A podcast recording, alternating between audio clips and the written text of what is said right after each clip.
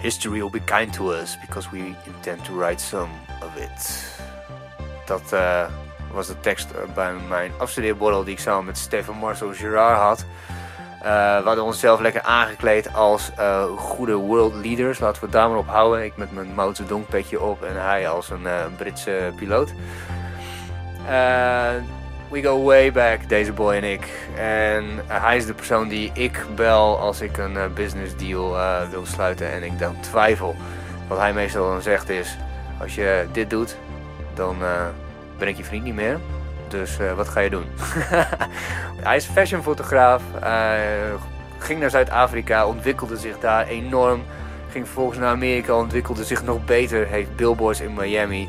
Heeft contacten in New York. Uh, nou, ladies and gentlemen, without further ado, Stefan Marcel Gerard. Shout-out naar onze producent van deze vette sound. Want het is fucking Jasper Bosgraaf. Peace out.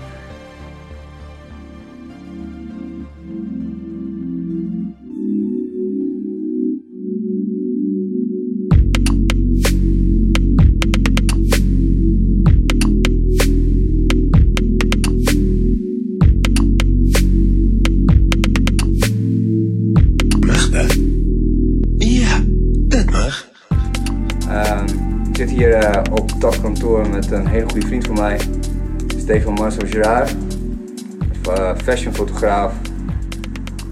Van New York to Detroit, to Miami, Kaapstad, Amsterdam.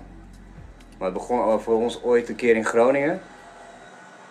Uh, zie, je dat, zie je dat kaartje daar aan de, aan de muur? Er gaat niks boven Groningen, Theo.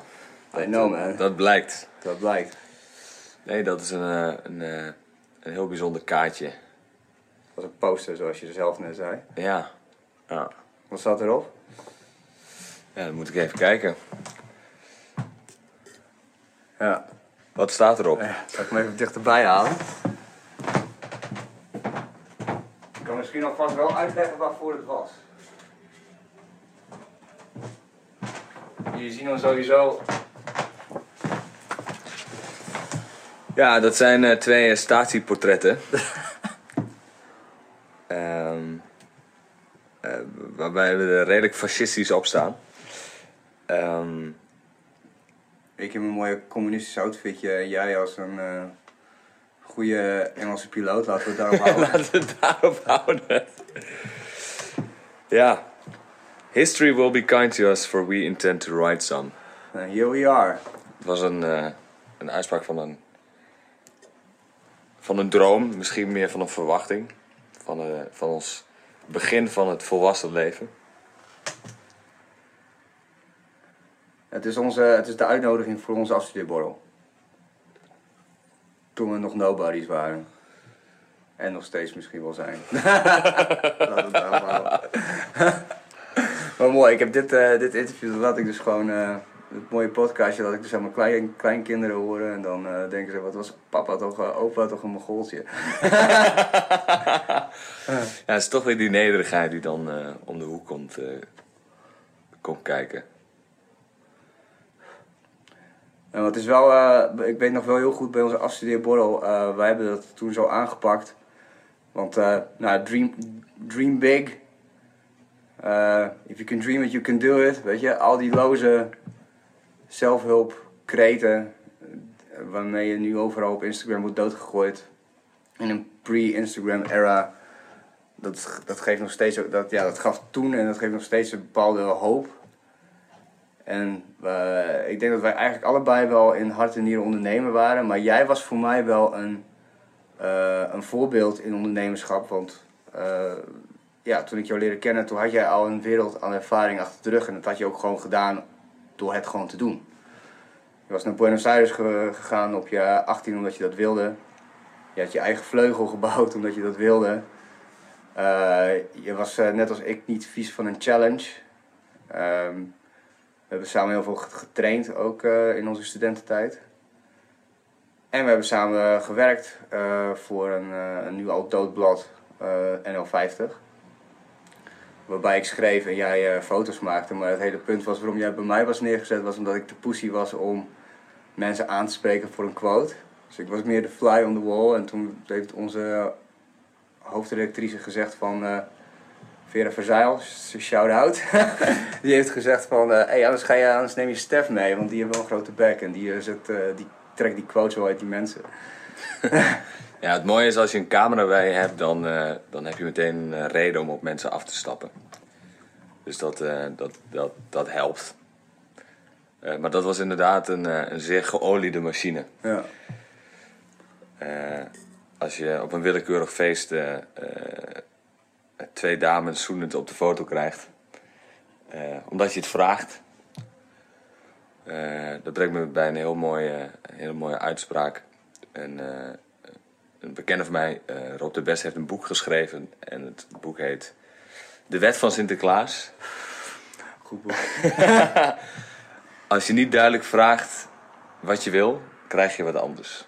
Oh, dat is echt trouwens heel, eh, heel goed verwoord. Eh, en ik denk dat dat.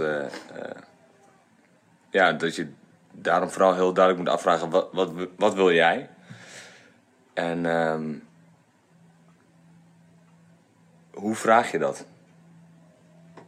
En de beste manier om dat te vragen is eh, eh, door het te vragen. En is het niet zo dat je eerst voor jezelf maar eens even op een rijtje moet hebben wat je precies wil? Ja, ik denk dat het wel belangrijk is om, te, om uit te kristalliseren. Eh, ik had op een gegeven moment wel een, een idee. Eh, ik, eh, ik, ik weet dat ik... eh, de reden dat ik, dat ik modefotograaf werd... is dat ik ooit eh, tegen een eh, billboardcampagne ben aangelopen van Mario Testino. En toen ik zeg maar de hoek om liep en ik zag die, dat billboard hangen, toen was ik in één keer in een soort van andere wereld in het moment. Dus ik werd even uit mijn eigen leven teruggetrokken en ik zag iemand in Italië op een rubberboot en ik dacht, ik wil die persoon zijn of ik wil met die persoon zijn. En ik denk dat spanningsveld, ik denk dat dat de, de kern is van, van mijn vak. Namelijk het creëren van een sensatie. Het creëren van eh, een, een verlangen. You sell desire. I sell desire. Ja, dat is wel een fun fact. Dus eh, als ik, eh, als ik zelf voor een ehm, nou ja, business idee sta of op een punt sta om met mensen in onderhandeling te gaan of er middenin zit en ik kom er niet uit, dan bel ik jou. En dat is om twee redenen. Dat is gewoon, A, ik weet zeker dat jij mij de waarheid in de face gaat zeggen. Zoals ooit een keer voor eh, een medium dat mij be- benaderde om, eh, om daarvoor te schrijven. En uiteindelijk eh, was het allemaal heel leuk en aardig. Toen bleek het echt om zwaar onderbetaald te zijn, maar de beloftes waren infinite. Zeg maar netwerk, eh, connecties, Amsterdam, wereld aan je voeten. Ja. Dat ik jou belde en dat jij zei van, eh, nou laten we ten eerste dit zo zeggen van, eh, als jij dit doet, dan ben ik je vriend niet meer.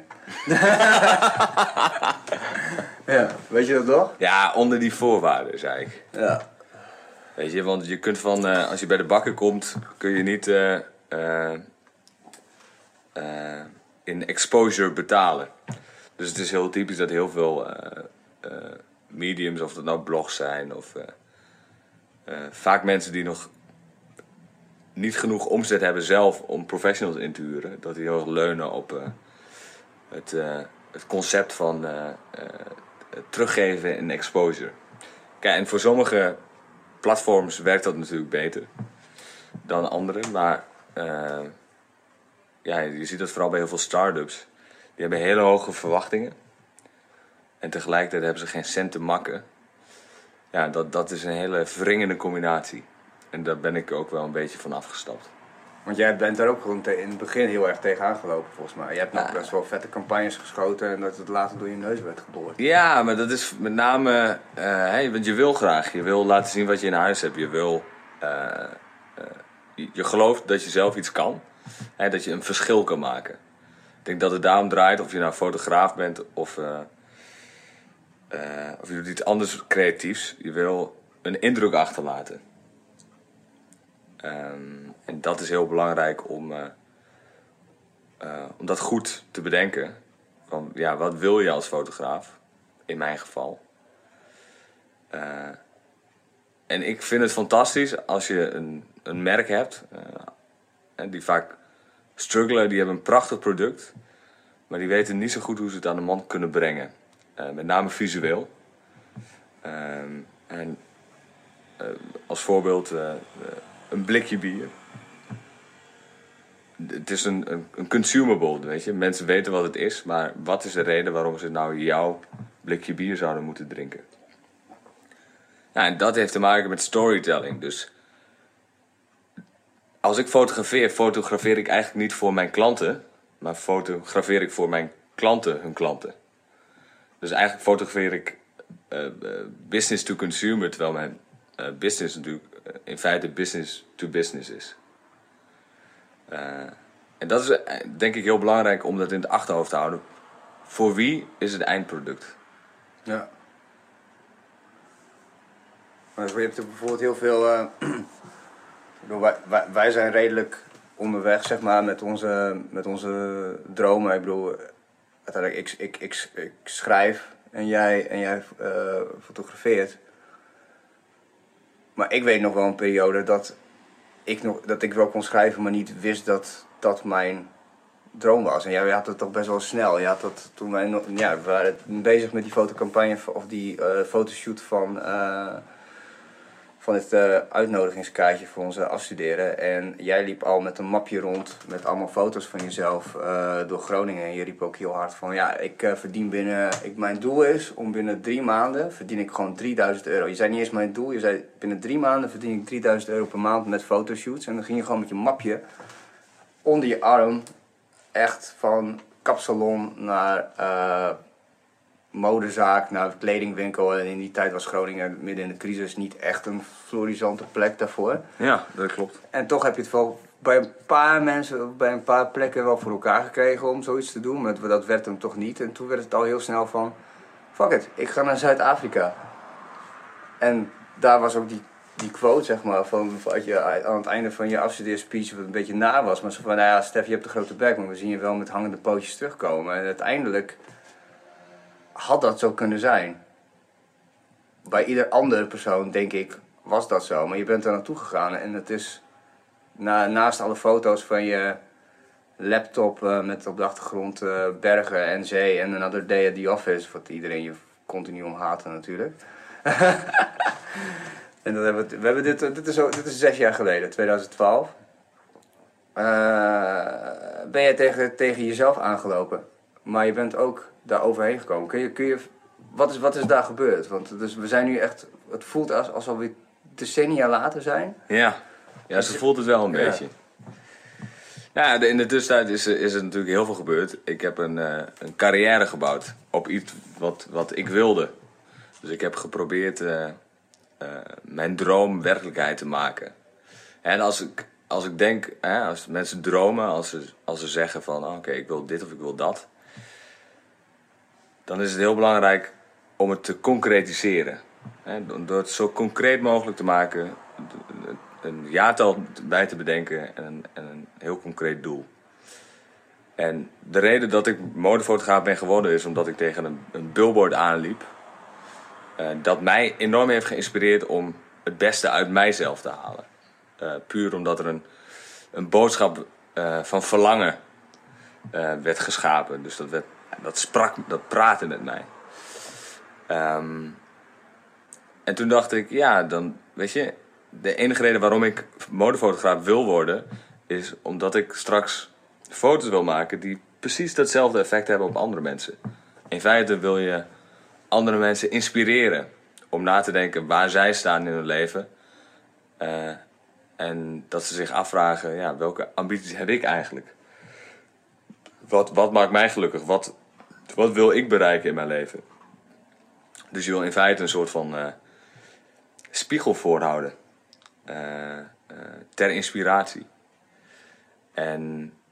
Dat gaat wel heel diep voor mode, toch? Ja, dat, dat denk je. Maar ik, ik, ik denk dat het mooie aan mode. En dat vind ik nog steeds. Parfumreclames vind ik een van de meest interessante uh, uh, filosofische uh, zaken Want in feite verkoop je letterlijk lucht.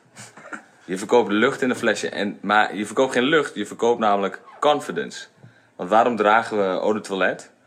Omdat als we het opdoen, dat is een, eigenlijk een cadeautje aan jezelf en aan de mensen om je heen. En hoe lullig dat ook klinkt, eh, dat is een, eh, een product. Je verkoopt confidence in a bottle. Ja. En dat is ook de reden waarom eh, heel veel van deze zaken. No worries. Oh. En dat is ook de reden waarom heel veel van deze. eh, ja, eigenlijk niet zeggende dingen, weet je. Daar zit helemaal geen nut aan.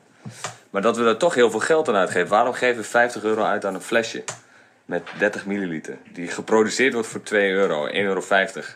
Is dat zo? Is dat, is dat ja, echt zo? Ja. De, de, de, dure Dior is 1,50 ja, euro? Ja, natuurlijk, want het wordt massa geproduceerd. Goddammit.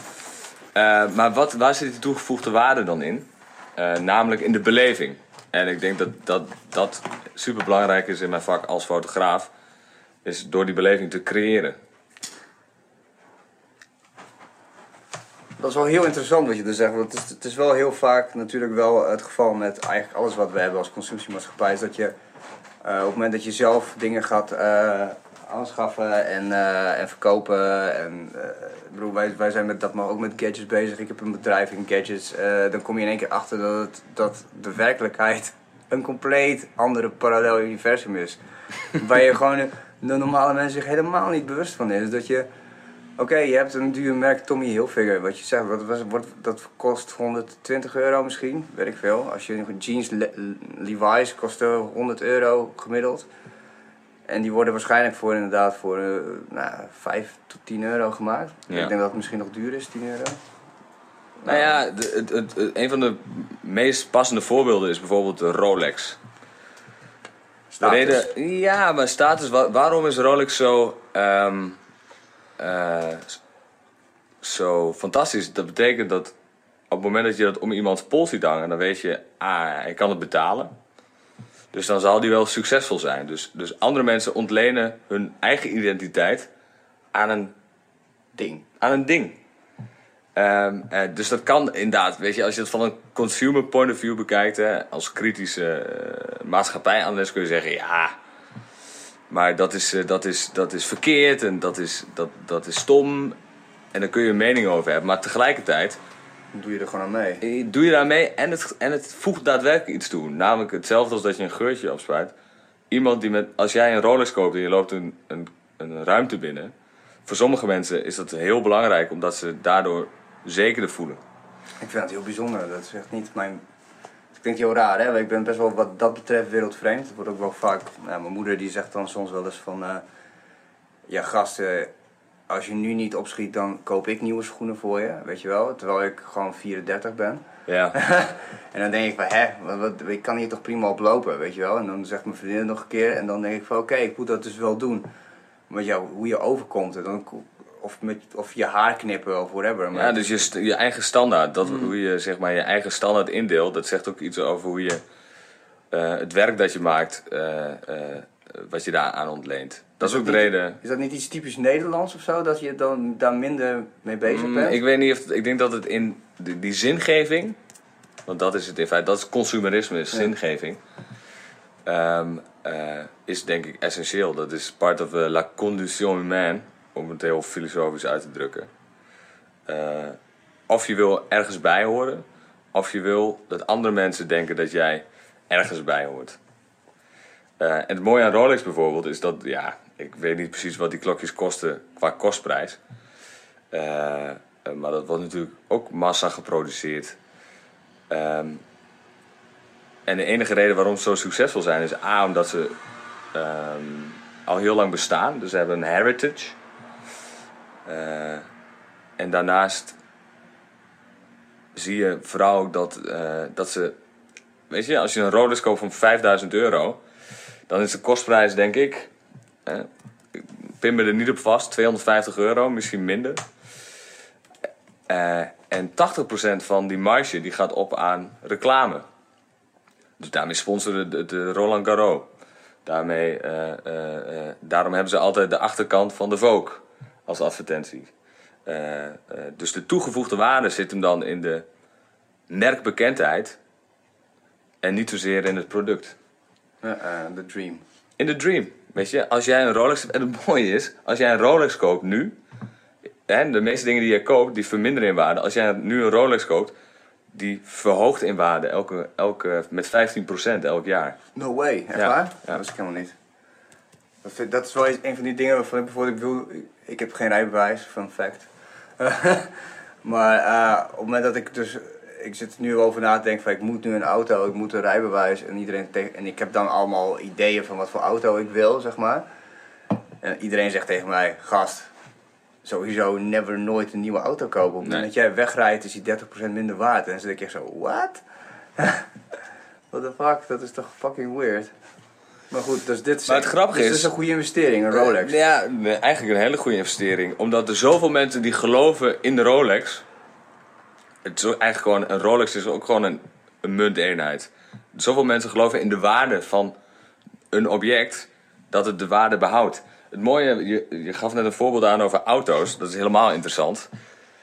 Hè? Ja, het klopt. Als je een auto koopt, dan vermindert die in waarde. Maar als je een specifieke auto koopt... Bij, bij Porsche zie je dat bijvoorbeeld... eh, daar gaan nu auto's van, eh, van 30, die 30 jaar oud zijn... Die, gaan, die worden voor veel meer geld worden ze dan weer verkocht. Want dan zijn- hebben ze een bepaalde status gekregen. Zijn ze een, een, ehm, een uniek object geworden. Waardoor mensen er meer, weer, meer waarde aan ontlenen. En waardoor de waarde dus stijgt. En dat is zo interessant in die, in die, in die luxury market.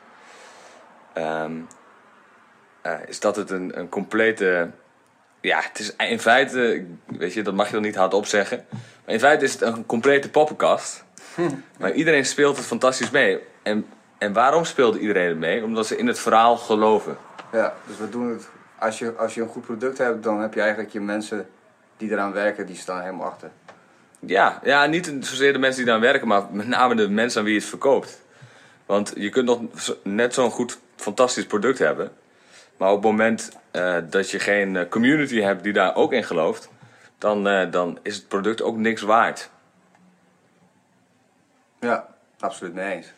En dat is denk ik ook, om terug te komen zeg maar, hè, ehm, als merk. Ik ben mezelf ook gaan beschouwen als merk. Me- fotograaf. Weet je, mensen zeggen, hè, waarom investeer je zoveel in je eigen werk? Hè, waarom doe je bijvoorbeeld kunstexposities? Eh, dat heeft niet zozeer te maken met het feit dat je daar direct iets uit terug wil halen. Want het is een lange termijn investering. En ik sprak met een, eh, een eh, vriend van mij. Hij is een heel succesvol bankier in New York. Ook een, een Zuid-Afrikaan. En die zei, oké, zei hij. So you're working on your future potential income. Oh, nou. En toen dacht ik, ja, hij snapt het. Want de waarde van een merk, in dit geval mij als, als fotograaf, eh, zit het hem in de consistentie. Dus, dus ehm, blij- blijven, blijven produceren van werk, jezelf vernieuwen, eh, maar ook trouw blijven aan je eigen idealen. En is dat moeilijk? Ja, ik vind dat wel lastig. Heb je voorbeelden waarin jij eh, ontrouw was aan je waarde? Nou ja, je ziet nu een verschuiving, daar hadden we het eh, natuurlijk al over. Aan de ene kant heb je de grote campagnes, weet je, de beelden die je, eh, die je schiet met heroïsche poses en eh, eh, waar, we, waar we typische modemerken eh, hun waarde aan ontlenen. Maar tegelijkertijd heb je nu heel erg eh, de challenge van hoe ga je daar in de digitale wereld mee om? Want Wel, klinkt echt als opa's, de digitale wereld. ja, nee, maar dat is voor heel veel merken is dat echt een, een, een, een challenge. Eh, omdat je met een complete wereld hebt te maken. Hè? Je had het net over een parallel universum. Ja. De digitale wereld is in feite een parallel universum. Eh, en als je niet weet hoe je die moet bewandelen, dan, dan zie, zie je dat gewoon terug in je, in je omzetcijfers. Ja, want dat is wel geinig, want we zijn allebei begonnen in een, wel in een post-Facebook eh, era, maar geen Snapchat, geen Instagram, eh, beeld. Dat is ondergeschikt. ondergeschikt aan tekst. En ik vind nog steeds trouwens hoe men met fotografen omgaat echt, echt heel erg bizar. Want ik bedoel, ik, ik schrijf een tekst, ik krijg daarvoor betaald. Maar bijvoorbeeld bij een hele goede vriend van mij, Jasper Bolderdijk, een hele goede fotograaf, concertfotograaf. Daar wordt hij bijvoorbeeld ge- gebeld door Wijs en dan zeggen ze van... eh ja, het vette foto's geschoten van de jeugd van tegenwoordig. Die willen wij hebben. En dan zegt hij, is goed, wat is het budget? Ja, geen budget, maar je komt wel op Wijs met je naam. Ja, tikken later. Weet je wel? Dus, dus dat, hoe, hoe kan dat? Waarom, waarom is dat zo? Ja, maar dat is een, af, dat is een afweging. Ik denk dat met, de met de komst van eh, eh, de, met name de, de digitale camera, dat het beroep van fotografen vaak verward wordt met de, de, technische, de technische kunsten van, van een apparaat. Dus hè, wat je dan zegt, eh, eh, heel vaak als ik met mensen sp- spreek en ik vertel dat ik fotograaf ben, dan het eerste wat ze vragen van, eh, oh dan heb je vast een hele dure camera. En dus mensen zijn heel gefixeerd op de technologie. Maar ik denk, als mensen mij inhuren, betalen ze niet voor mijn camera, maar betalen ze voor mijn oog. Eh, dus het is heel erg. eh, ik denk dat, dat het, het vak van fotograaf heel erg onder druk is komen te staan, om, omdat de technologie zo erg is verbeterd. eh, dat je al heel snel hele leuke foto's kan maken. voor, voor leken, voor mensen die niet precies weten hoe licht werkt. Alleen het probleem daarbij is, denk ik, dat ehm, je hebt ervaring nodig om die beleving terug te zien in een foto. En ik denk dat je nu heel erg ziet, heel, veel, heel veel influencers die, die ook fotograferen, die verstand hebben van compositie. eh, eh, Instagrammers eigenlijk. ja, of Instagrammers in het algemeen. Eh, het is heel makkelijk om een foto te maken. Alle- en dat is een consumable, dus een, een, een foto werd vroeger, weet je, werd ontwikkeld. Het was een heel proces. Dan, weet je, dan werd er een, een fotoalbum gemaakt eh, van de vakantie. Eh, Het was schaars. het was schaars. Ja.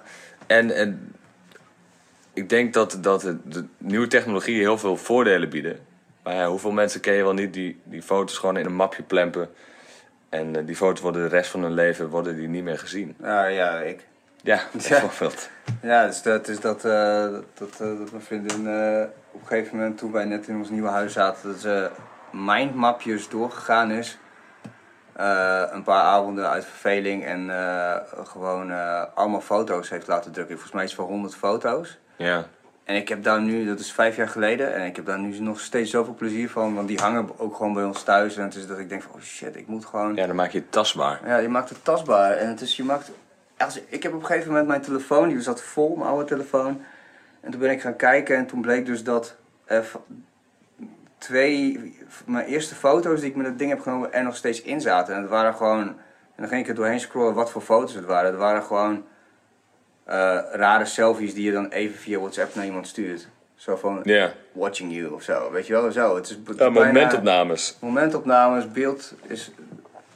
Dus wat jij, wat, jij, wat jij aangeeft, dat is de grappige verschuiving die je nu ziet, is eh, alles is lifestyle geworden. Dus, dus het gaat niet meer om het product.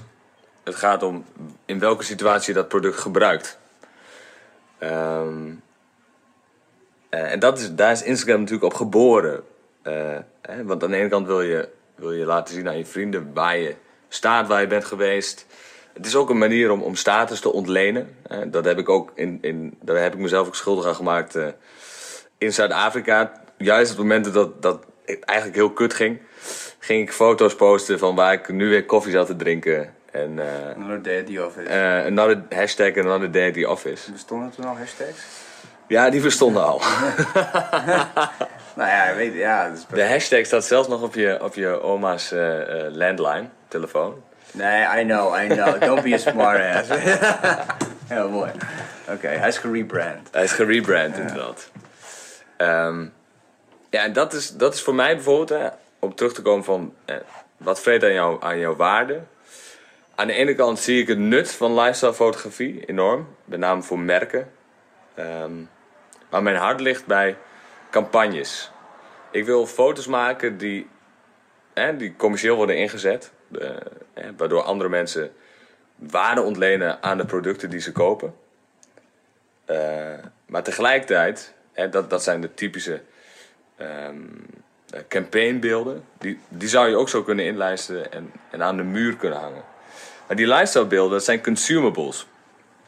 Dus dan ga je met je duim ga je daar overheen. Ehm, en als het een klein beetje aanspreekt, dan stop je even. Maar dat is vaak eh, al een, een, een, halve seconde is vaak al lang. Dan heb je al gewonnen, zeg maar, in, uh, in socials. Ja, in socials. Um, dus dus dat wringt bij mij een beetje dat ik daar wel een enorm verschil in kan maken. Dus eigenlijk de ultieme challenge op dit moment voor heel veel merken, met name modemerken, dus dan als het gaat om accessoiremerken, is hoe je met dezelfde budgetten tien keer zoveel content kan maken, die toch kwalitatief hoog genoeg is, waardoor je je klanten blijft inspireren. Ja, dan, dat, dat is wel interessant dat je het zegt. Wat even terugkomen op de billboard die jou inspireerde. Je hebt uiteindelijk, uh, dat heb je bereikt. Ja. Je hebt, je hebt, je hebt billboards in Amerika werk dat, dat heeft gehangen, zeg maar? Ja, in mijn, uh, ja ik heb een, uh, een, een, campagne geschoten in Miami. Die hangt uh, onder de Apple Store. 10 bij 5 meter. Ja, dat is Wat natuurlijk, staat erop? Uh, don't be a cunt. Don't be a cunt. Keep calm and carry on. uh, nee, dat, ga, dat ging ook weer om een, uh, een, een modecampagne voor een, een luxury, luxury mall. in een van de ja, meest up-and-coming parts in Miami, Brickell City Center. Uh, ja, dat was voor mij wel een, een moment dat ik dacht van ja, je, je maakt iets wat, wat goed, blijkbaar goed genoeg is dat andere mensen tentoon willen stellen. Op zo'n groteske manier bijna. In your face. Uh, dus blijkbaar is jouw werk goed genoeg dat andere mensen er zoveel waarde aan ontlenen dat ze het willen delen met andere mensen. Ik denk dat dat een, een heel belangrijke motivator voor mij is. Bro, je hebt je met, met, wat, wat ik wel bijzonder vind is. Zes jaar geleden was het een droom, nu heb je je sporen verdiend. En uh, je bent eigenlijk een kunstenaar geworden in, in, in wat je. Nou, wat je, waar, waar je van houdt. En wat, kun, je, kun je je werk beschrijven? Wat er echt, als iemand een foto van je ziet, wat, wat, dat, dat ze dan denkt van oké, okay, dit moet hem wel zijn? Ja, die signature is altijd heel lastig om dat van jezelf te beschrijven, omdat je, dat, dat is bijna op automatische piloot. Maar wat ik wel heel vaak hoor van, uh, van klanten, um, of, of mensen die mijn, uh, mijn werk zien, uh, die daar verstand van hebben, die zeggen wel van ja, je hebt wel een hele duidelijke signature, omdat ja, er zit altijd iets, iets dromerigs in je foto, iets hazy. Ik, ik hou van weerspiegelingen in glas. Uh, in water. Uh, ik hou van, uh, van, van zacht licht, dus ik schiet eigenlijk bijna altijd met tegenlicht. Um, dus het is wel, denk ik voor heel veel mensen, een, een, heel ander soort foto dan die ze normaal gesproken zouden tegenkomen. Ik vind ze ook super clean, als ik heel eerlijk moet zijn. Het zijn ook gewoon altijd. Nou, het is wel, misschien snap ik wel wat ze bedoelen, omdat denk dat het ook wel door de kleuren komt. Want je hebt ook heel duidelijk, heel vaak kies je ook blauwerige kleuren, ja. zeg maar. Een ik heb een heel duidelijk palet. Ja. En, uh, maar ze zijn ook super clean. Het is alsof uh, het model er echt ingeplakt is, terwijl het niet zo is, zeg maar. Het is echt gewoon heel strak, tak, tak, tak, weet je Fotograferen is, uh, is weglaten.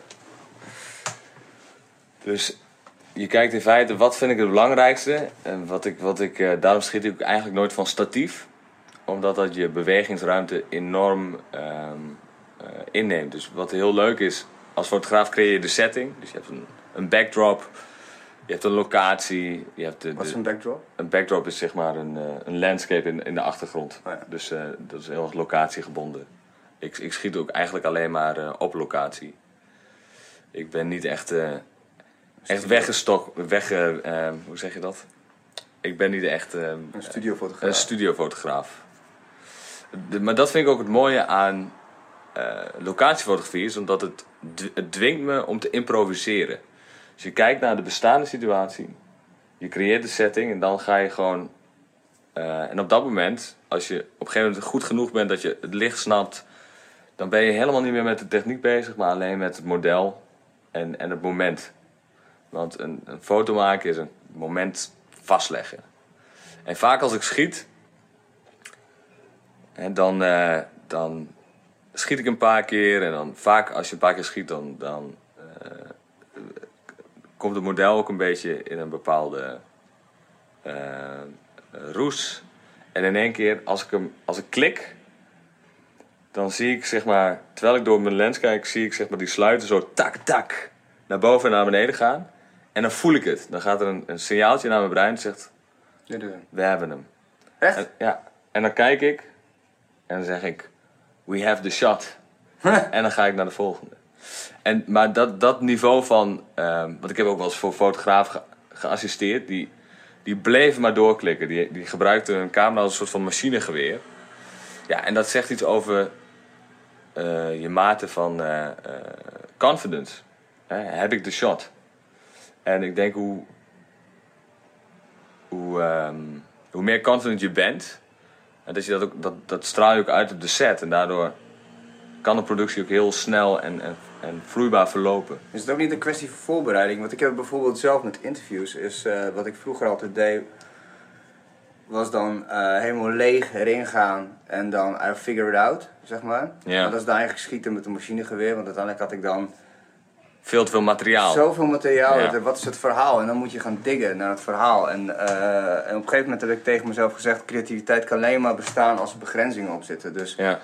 als ik drie uur met Kaders scheppen. ja, precies. Als ik met iemand in, in gesprek ga, eh, dan kan ik drie uur lang diegene leren kennen. En dan vervolgens met mijn handen in het haar een maand lang zitten van... ik wil niet hier aan beginnen, want ik moet dit uitwerken. En ik heb eigenlijk geen idee, want het was een superleuk gesprek. En we hebben heel veel leuke dingen gehaald. Maar eh, ook heel veel toffe shit gehad. Alleen, wat is de rode lijn? Hoe kan ik die persoon schetsen? En uiteindelijk heeft me dat wel... eh, Je wordt een het- chirurg. Je wordt een chirurg, zeg maar. Ja, dat klopt. En, eh, maar op een gegeven moment dacht ik van, oké, ik wil interviews van niet langer dan 20 minuten.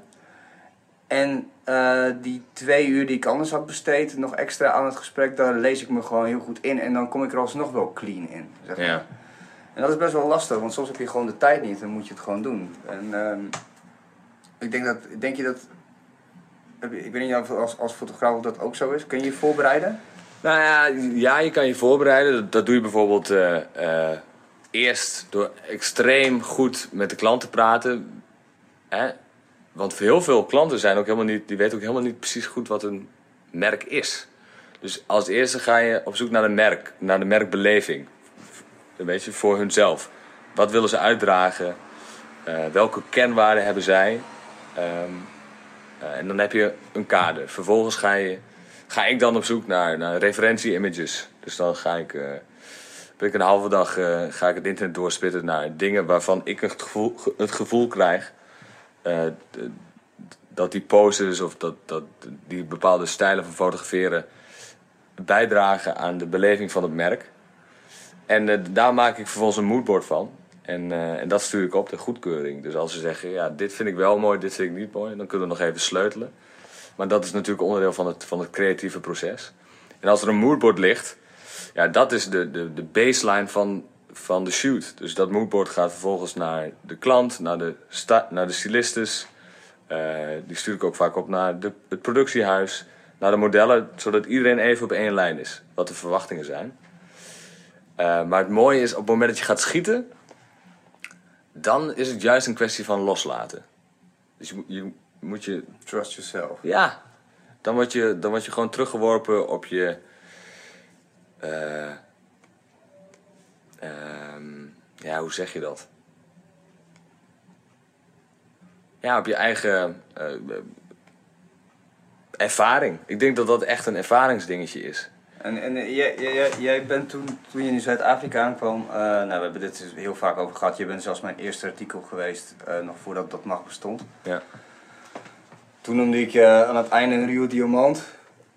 Diamant is nu wel aardig geslepen, maar wat, wat, waar jij tegenaan liep, weet ik nog, is dat jij dacht ik ga er naartoe en ik fix het wel even. En dat, dat, toen- toen bleek dat het echt op aankwam dat het echt gewoon een, een soort van eh, beginnersfout was, zeg maar. Van, je was niet de fotograaf, je moest eerst gewoon Ja. assisteren, toch? Dat is, eh, Ja, ik, ik, ik wilde daar naartoe als fotograaf. Maar ja, dan heb je natuurlijk helemaal niet zoveel om op terug te vallen.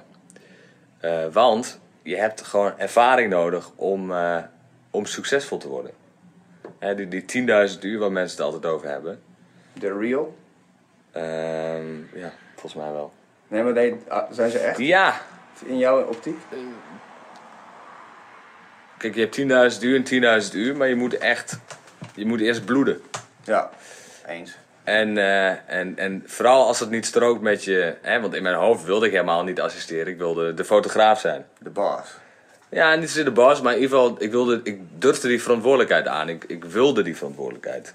Want ik was ervan overtuigd dat ik een verschil kon maken.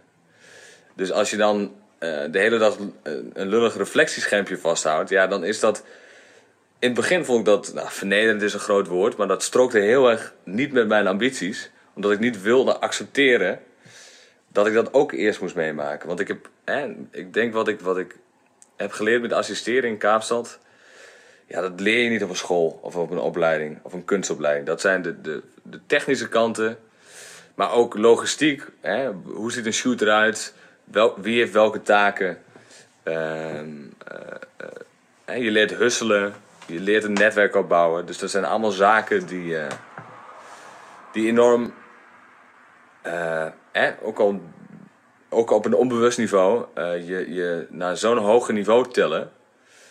dat je de volgende keer dat je met een, een, een jaar of twee later, dat je, dat je zoveel bagage hebt dat je dat ook veel beter kan uitdragen.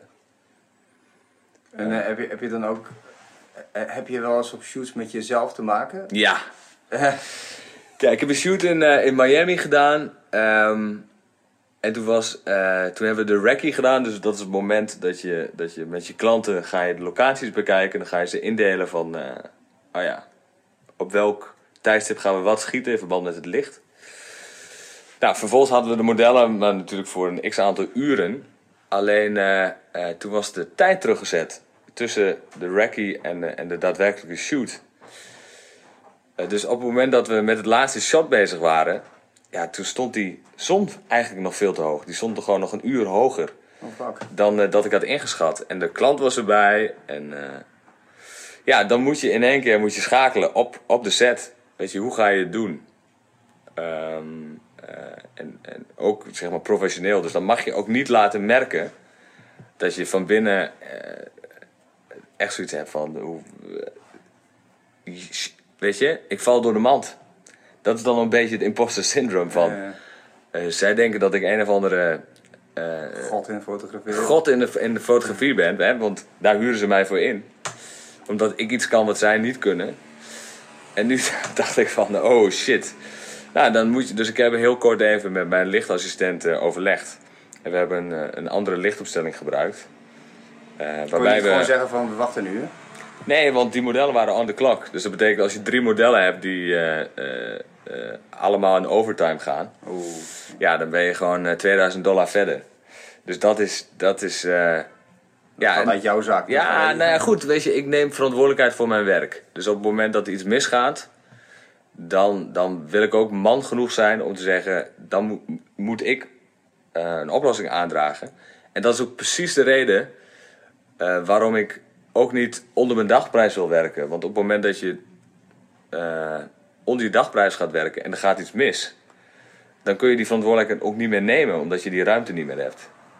Dus in feite wil je een, een soort van kwaliteitsstandaard garanderen. En dat is ook wel weer een dingetje, weet je. Soms dan krijg je een aanbod dat je denkt, ja... ehm, het, het, eigenlijk past het niet binnen, binnen eh, eh, budgetair binnen het niveau dat ik wil bereiken. Ehm, Maar, ja, geld is wel je geld. vriend. Weet je, soms ook inkomen is inkomen. Als je die dag niks te doen hebt, dan kun je het ook net zo goed wel doen. Alleen dan is dat de kunst van nee verkopen. Soms moet je gewoon zeggen, het spijt me. Ik, ik vind jullie een mooi merk, jullie hebben heel veel potentie.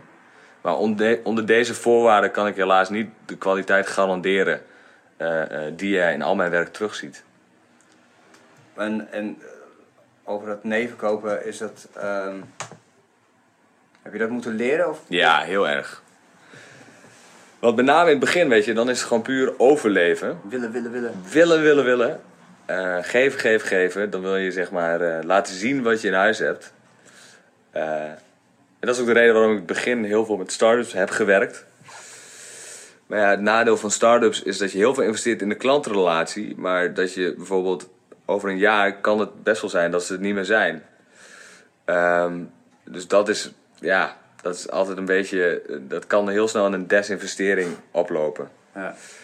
Ehm, maar soms zit er, heb ik een, een klant die, die heeft zo- zo'n waanzinnig product. En, en eh, Heb je voorbeeld? Waarvan je denkt van, nou, dat, dat, dat je dacht toen, nou ja, oké, ik doe het maar, maar ja, het wordt toch nooit meer wat. En dat het nu in één keer... nou, ik ga niet, ik ga niet schieten voor, voor, voor brands als ik er niet in geloof. Hey, ik heb eh, ooit een keer, ehm, eh, vier jaar geleden, eh, voor, ehm, eh, hoe heet ze nou? Die houten zonnebrillen. Oh ja, Woodify. heb ik voor Woodify geschoten. Ik kwam die jongens, het waren twee eh, jonge gasten, die hadden een eigen webshop opgezet in houten zonnebrillen. Dat was toen helemaal je van het. Nieuw, nieuw, ja. En ze waren ook de first movers in Nederland, ook, ook heel ondernemend. Kijk, en, dat, en dat trekt me aan in, in klanten. Als ze zelf ondernemend zijn, dan wil ik ook gewoon een risico Dat waren toch nemen. echt vet jonge gasten? Ja, die waren 18, 19. Ja. Toen was ik denk ik 24, 25. Maar ja, die hadden gewoon eh, een, een, eigenlijk een hartstikke mooi merk. Ehm, maar niet de, de, de finesse en dan normaal geen idee van de beeldtaal. Dus toen heb ik ook gezegd van, eh, weet je, eh, stuur maar een doos op. met, je, met je beste eh, zonnebrillen. En dan moeten we even een budget afspreken. En ja, dat was eigenlijk tegen kostprijs. Als ik, helemaal als ik er nu, nu aan terugdenk. Maar ja, dat was natuurlijk wel een, een, een fantastische opportunity om een verschil te maken. En het grappige is dat eh, die foto's, eh, ja, die kwamen terug.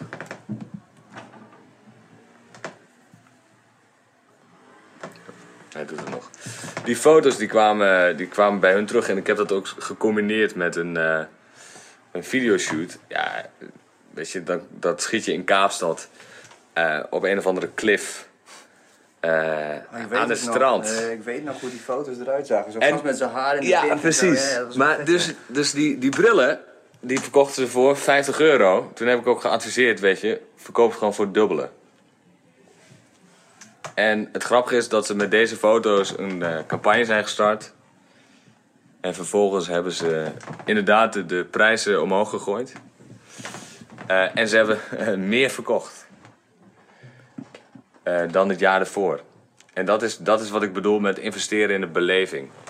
Dus dan gaat het niet meer zo om, om de marge, maar eh, eh, de waarde die je investeert in je eigen merk, waardoor hun klanten meer waarde ontlenen aan diezelfde brillen. Ja, en dat was, was een mooi voorbeeld. Maar dat was, weet je, dan als er soms een project langskomt waar- waarvan ik denk, oh, dit merk heeft potentie. Ehm, ja, dan, dan, dan kan ik ook nog wel een keer kijken wat, er- wat er mogelijk was.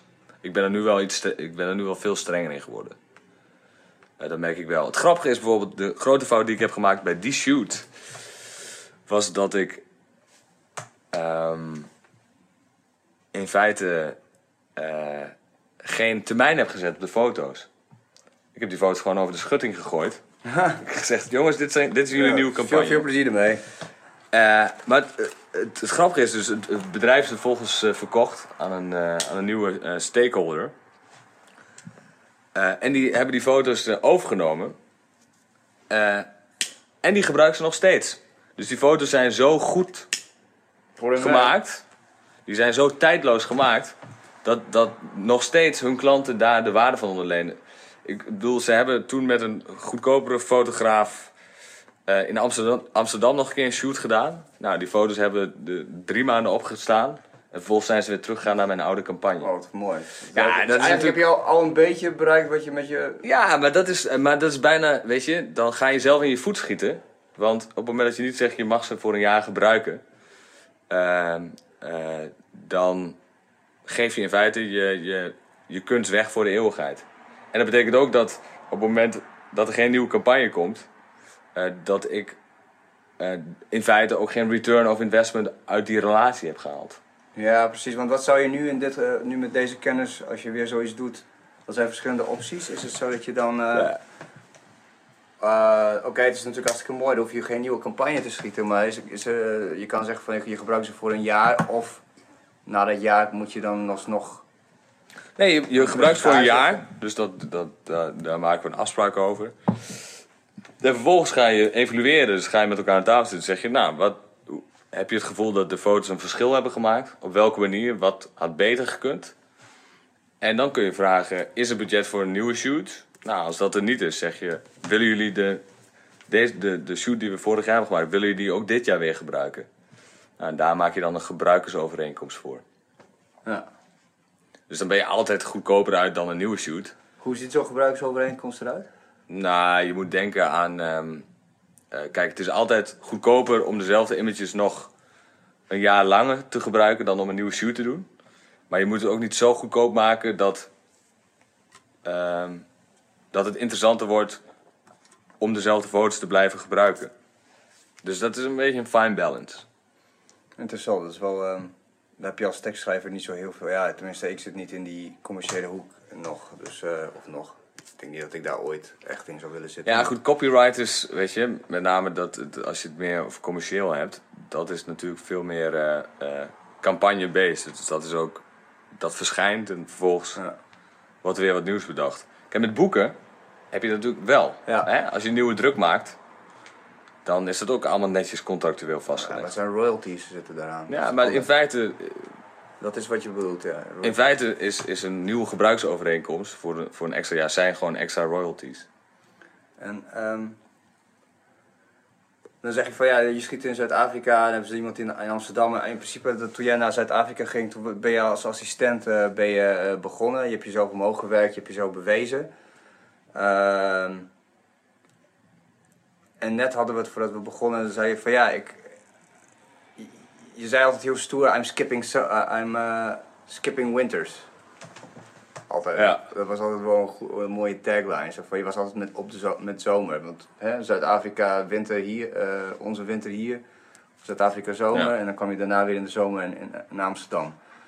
En dat had zijn voor- en zijn nadelen. Op de korte termijn zei je dat het meer nadelig was. En op de lange termijn juist voordelen. Nou, eh, in de zin van, eh, zeg maar op persoonlijk vlak, hè, als je heb ik wel het nut van seizoenen eh, ingezien. Hè? Want in de, de herfst is, is tijd om je terug te trekken, winter is tijd voor reflectie. En in de eh, eh, lente heb je natuurlijk de mogelijkheid om die, eh, eh, die reflectie te gebruiken om het beter te doen. En de zomer is het weer om het uit te bouwen. Dus het is een, een cyclus. Ehm, en dat miste ik wel een beetje, want je zat altijd een beetje op een soort van summer high. Iedereen had altijd zin om, zeg maar, Go, go, go. go, go, go, go. En daardoor raak je wel een beetje in een soort van monotone roes.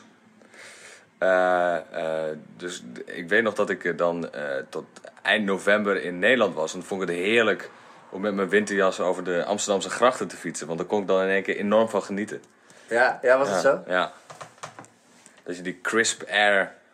Dat je toch een klein beetje koud bent, maar wel dat het aangenaam is. Had je wel eens heimwee naar Nederland? Nee, wel andersom. Ja, naar Kaapstad? Ja. Kaapstad is denk ik wel mijn. eh, ja, het grappig genoeg wordt het ook wel de Mother City genoemd. Eh, maar dat is wel eh, mijn. Ik denk dat Amsterdam meer mijn zakenstad is. En, en Kaapstad is echt mijn, mijn thuis. Wauw, dat is wel eh, mooi gezegd, want je hebt daar ook echt vette vriendschappen eh, op gebouwd. En eh, ja, ik, ik, ik- het was een, een eer en een waar genoeg om, om je matties ook te ontmoeten. Of een van je, van je Ja. grootste matties, Johannes. Johannes. Ja, de Roy.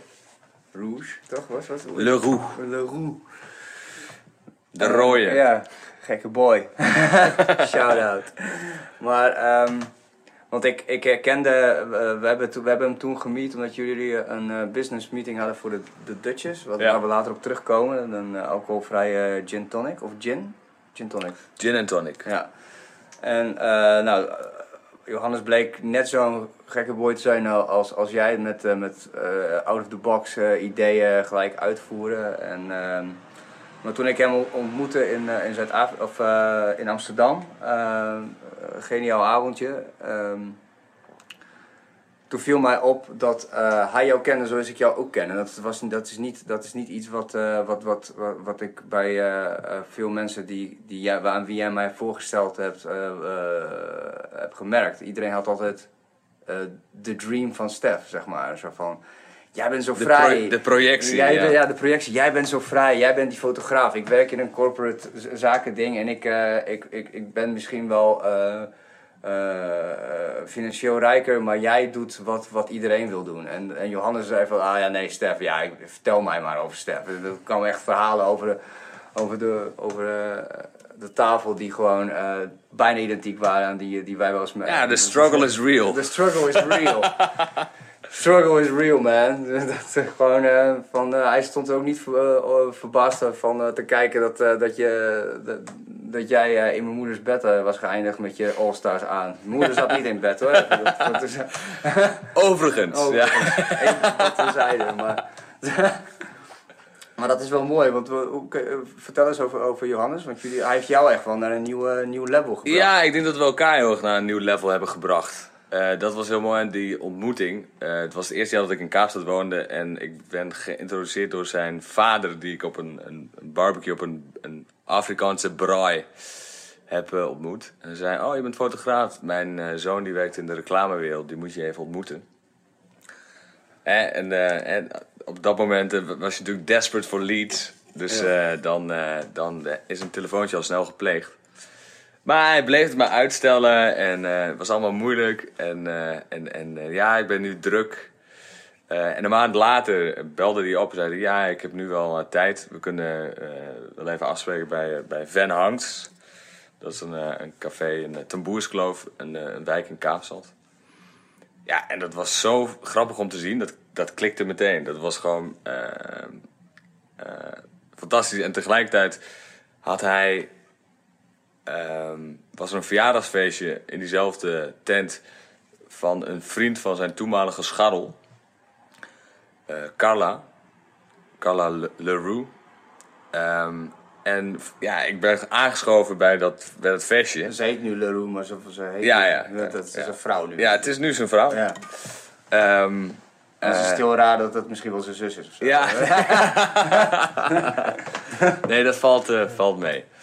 Um, uh, en het mooie aan die ontmoeting was dat uh, hij ook heel erg weg wilde uit die reclamewereld. Omdat hij zei van ja, I don't want to be, I don't want to work for clients, I want to be the client. Uh, dus heel productgericht denken. in plaats van servicegericht. Um, en hij had al wel wat, wat ideeën, met name in de, in de beverage industry. En het jaar daarop ben ik teruggekomen. Uh, en ja, toen had ik nog niet echt plannen voor Kaapstad, maar was het meer heen en weer tussen Amsterdam en Kaapstad. Toen dacht ik, ik ga het sowieso nog een keer proberen in Kaapstad.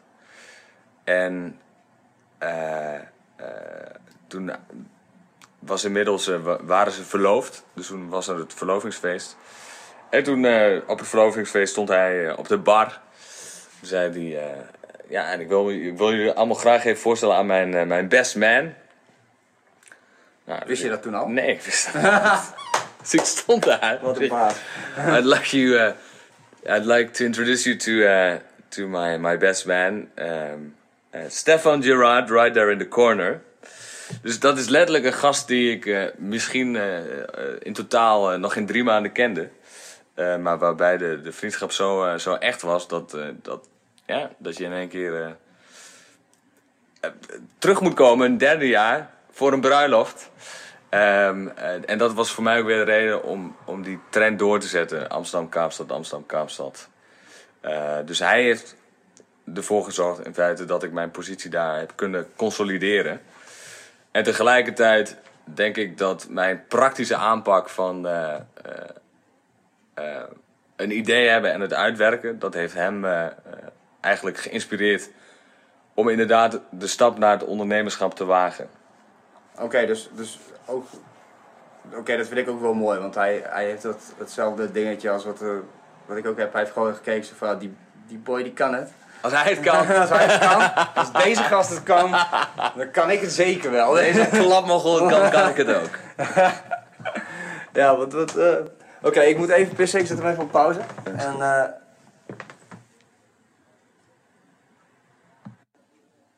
Ja, daar zijn we weer. Mooi. Daar zijn we weer. Ja, en ehm we waren gebleven bij de klapmogol. ja, want dat is, eh, je moet ook wel een beetje eh, een eh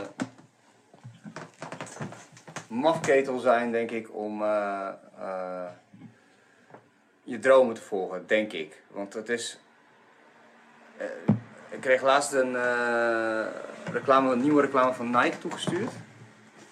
Van, ehm, van iemand en eh, die zei: dit, dit, dit ben jij. En dat was. eh, Colin Kaepernick, just do it. ja, nee, nee, nee. nee. Ja, nee, dat, je moet. If, if people call you crazy, that's a good thing. It's not, it's not, it's not fun. If people say you're crazy, you have to, uh, you have to ask how crazy. If you're crazy enough, are you crazy enough? Dat was het volgens mij. En dat vond ik zo typerend voor eh, ehm, ook onze, onze vriendschap. Dat het, eh, we hebben hele gekke periodes meegemaakt met z'n tweeën, zeg maar. Van, eh, nou ja, die NL50-periode van just do it, zeg maar. Het gewoon helemaal loco gaan op nou, flesje whisky in de mik, stad in en eh, foto's schieten, reportages schrijven. Tot eh, uiteindelijk eh, dit, waar we nu hier zitten. En jij zit gewoon op mijn kantoor en we hebben het over jouw eh, carrière tot nu toe. Wat al voor heel veel mensen al een, iets is wat, waar ze, nou ja, niet eens kunnen hopen daar te zijn. Voelt dat ook zo? Dat je, je, bent er nu, je, bent, je hebt een bepaalde piek bereikt.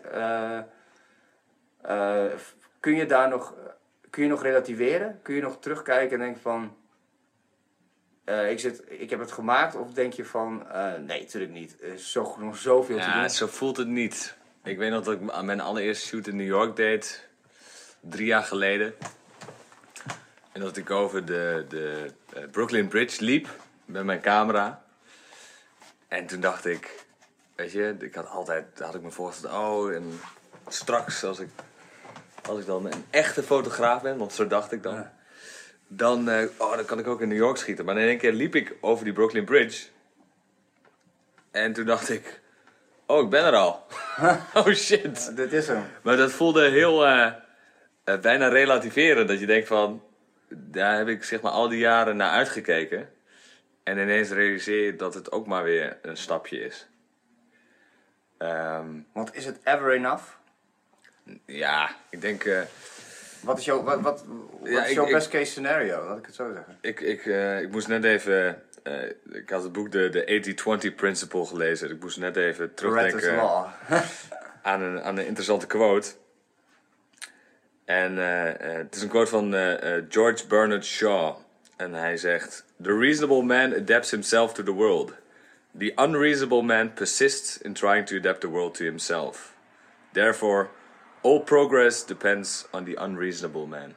Want ja, hoe debiel is het dat je denkt dat je kan vliegen? En uiteindelijk eh, hebben we een podcast met Joe Rogan en Elon Musk, waarin Elon Musk eigenlijk gewoon heel erg tussen neus en lippen door op tafel werpt dat hij al een veel betere vliegtuigen heeft op elektriciteit. En, eh, maar dat dat nu niet eh, relevant genoeg is om dat uit te werken, bij wijze van. Maar het principe, dat, dat, die gast is knettergek en geniaal tegelijk.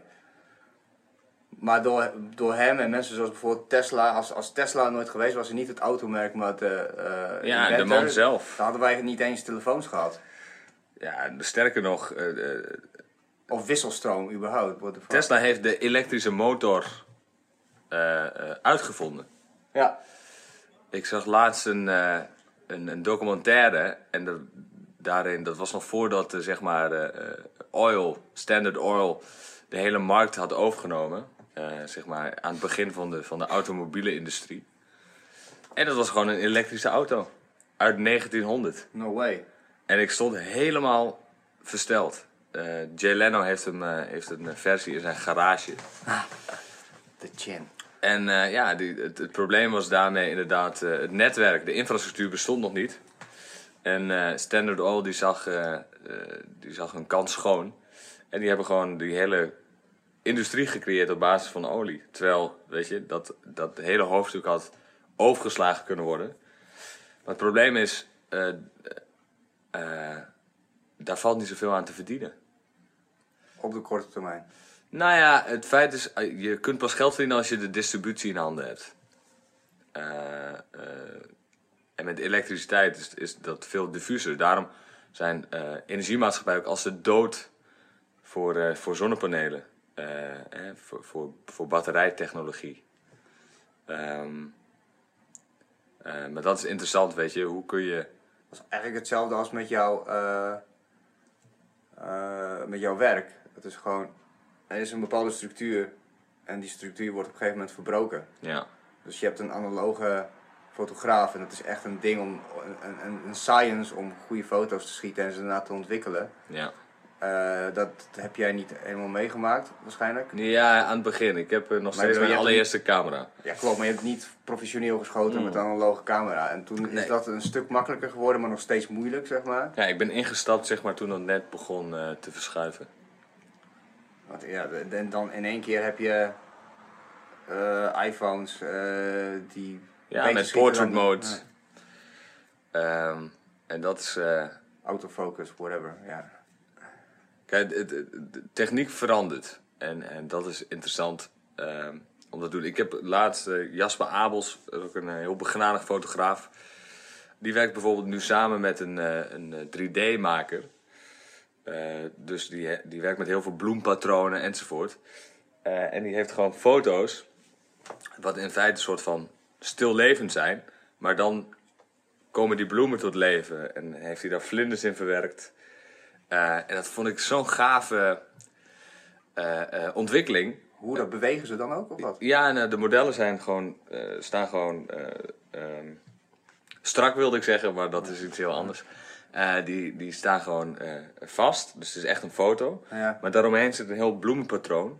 En, en dat beweegt, dus bijna psychedelisch. Ja, dat is gewoon eh, even acid eh, gedropt op Ja, maar ik vond het zo, eh, zo gaaf dat hij dan die samenwerking opzoekt. Want daar zit denk ik de toekomst in de, de- weet je, het kruisen van, van vakken. Wat je ook bij Harry Potter hebt, dat die schilderijen Ja, bewegen. bijvoorbeeld. Ja.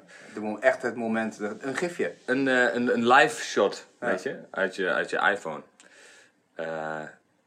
En ik, ik zag laatst, een, een, een andere fotograaf heeft een digitaal model gecreëerd. Prachtige eh, donkere dame, die helemaal CGI is. En die verkoopt zijn model nu aan merken. No, oh echt? Ja, Oh wauw. het is echt... eh, eh, en dat is een wereld, zeg maar, als je daar geen verstand van hebt, is het heel eng om, Ja. om, om, om die stap te maken. Dat, Maar zo ver zijn ze al in Japan, hè? daar hebben ze gewoon hologrammen van bepaalde, niet, niet echt bestaande popidolen. ja. En die treden op. ja, ik weet dat, eh, volgens mij was H&M, die heeft vijf jaar geleden, hebben ze modellen gemorfd. Dus dan hebben ze eh, zes verschillende gezichten hebben ze, zeg maar, gecombineerd. Het voordeel daarvan is dat ze geen eh, rechten hoefden te betalen of, zeg maar, voor het gezicht. Voor die modellen. En dat heeft enorm veel stof moeten opwaaien. Van ja, weet je, waar ligt die overgangsgrens? Weet je, wat is echt en wat is niet echt? En maakt het uit? Is het belangrijk? En dat zie je nu, eh, nu steeds meer, nu zeg maar de digitale wereld ons eigenlijk bijna ons primaire universum wordt. Ehm, ja, en dat is iets, weet je, moet je daar morale vraag over stellen? Of niet? Of is het juist interessant? En ik vind het, ik bekijk het heel nieuwsgierig. Ik zou het super vinden om ook meer. eh, Dat is ook de reden waarom ik nu steeds meer regie aan het oppakken ben. Is omdat het veel meer een samenwerkingsproces is. En je kan veel meer vertellen met, met bewegend beeld. Bijvoorbeeld eh, als het gaat om de combinatie met muziek, voice-over, ehm, eh, intonatie, de manier waarop je edit. De- ja, en dat is, dat is voor mij eh, ook een, een hele interessante nieuwe overgang. Maar regie is iets anders dan filmen. Daar hebben we het ook nog even over gehad ervoor. Maar dat was... eh, Ja, dat klopt. Zeg maar, het, het, het filmen is een proces. Dus filmen is veel meer procesmatig dan, dan een stillshoot. Een stillshoot is, je creëert een setting, je zet de camera erop, je laat iets gebeuren en vervolgens leg je dat vast. En als je denkt, we hebben hem, dan heb je hem. Filmen is, vecht veel meer voorbereiding. Filmen vecht veel grotere crew. Want je hebt lichtmensen nodig, je hebt eh, assistenten nodig. Eh, de locaties zijn, zijn veel belangrijker met film, dat je natuurlijk veel meer angles gebruikt. Eh, maar daardoor kun je ook met heel veel talentvolle mensen samenwerken. Kijk, als ik nu bijvoorbeeld re- regisseer, waar ik vroeger zelf filmde, is het heel moeilijk om te regisseren. Dus zeg maar afstand te nemen, het verhaal te bedenken, hè, om de grip te houden op het verhaal, wat je wil vertellen. En tegelijkertijd met de techniek bezig zijn. Dus ik vind het fantastisch om met mensen te werken die verstand hebben van bepaalde technieken, waardoor ik me steeds meer op het verhaal kan richten. En, eh, oké, dat ik kan me nog iets herinneren van een eh, video die jij had geschoten van lui die reden in een auto rond, ook in Kaapstad volgens mij, echt een super mooie locatie. Het was echt zo'n hipster video was het. Ja, dat was voor. dat was ook een veel te cheesy tekst. Dat was, eh, was, ja, dat was mijn, eigenlijk mijn regie. Dat was mijn regiedebuut. Ehm eh, en, en dat wa- was, was Maar waar was dat voor ook alweer? ook voor Woodify. Voor, Ah. mijn, eh, voor hetzelfde zonnebrillenmerk. Hebben ze hem gebruikt? Ja, het mooie was dus dat die, die heren... Ik had die video er eigenlijk een beetje bij gedaan. Want ik dacht, ik vind het wel leuk. Interessant voor mijzelf om ook meer die regiekant op te pakken. Eh, en het mooie was dat die, eh, die jongens die, die, dachten... Ja, prima, weet je, doe ook maar. Op het moment dat ik die video had opgestuurd, de link... eh, toen waren zij op een, op een netwerkborrel. En ik heb volgens mij vijf e-mailberichten terug ontvangen in caps lock letter. No fucking way. Oh my god. Eh, weet je, ze hebben op die netwerkborrel hebben ze aan iedereen die video laten zien. En, en hebben ze bijgestaan, dat is zijn wij. Ja, dat is Dat, weet je, deze video, dat zijn wij. Als zij een presentatie hadden, hè, eh, zij, zij spraken veel op ondernemerscongressen enzovoort. En ze zeiden, ja, we hebben een webshop. Zeiden mensen, oh leuk. Zeiden ze, oh wacht even. En en dan liet ze de video zien. En dan was het gesprek al gevoerd.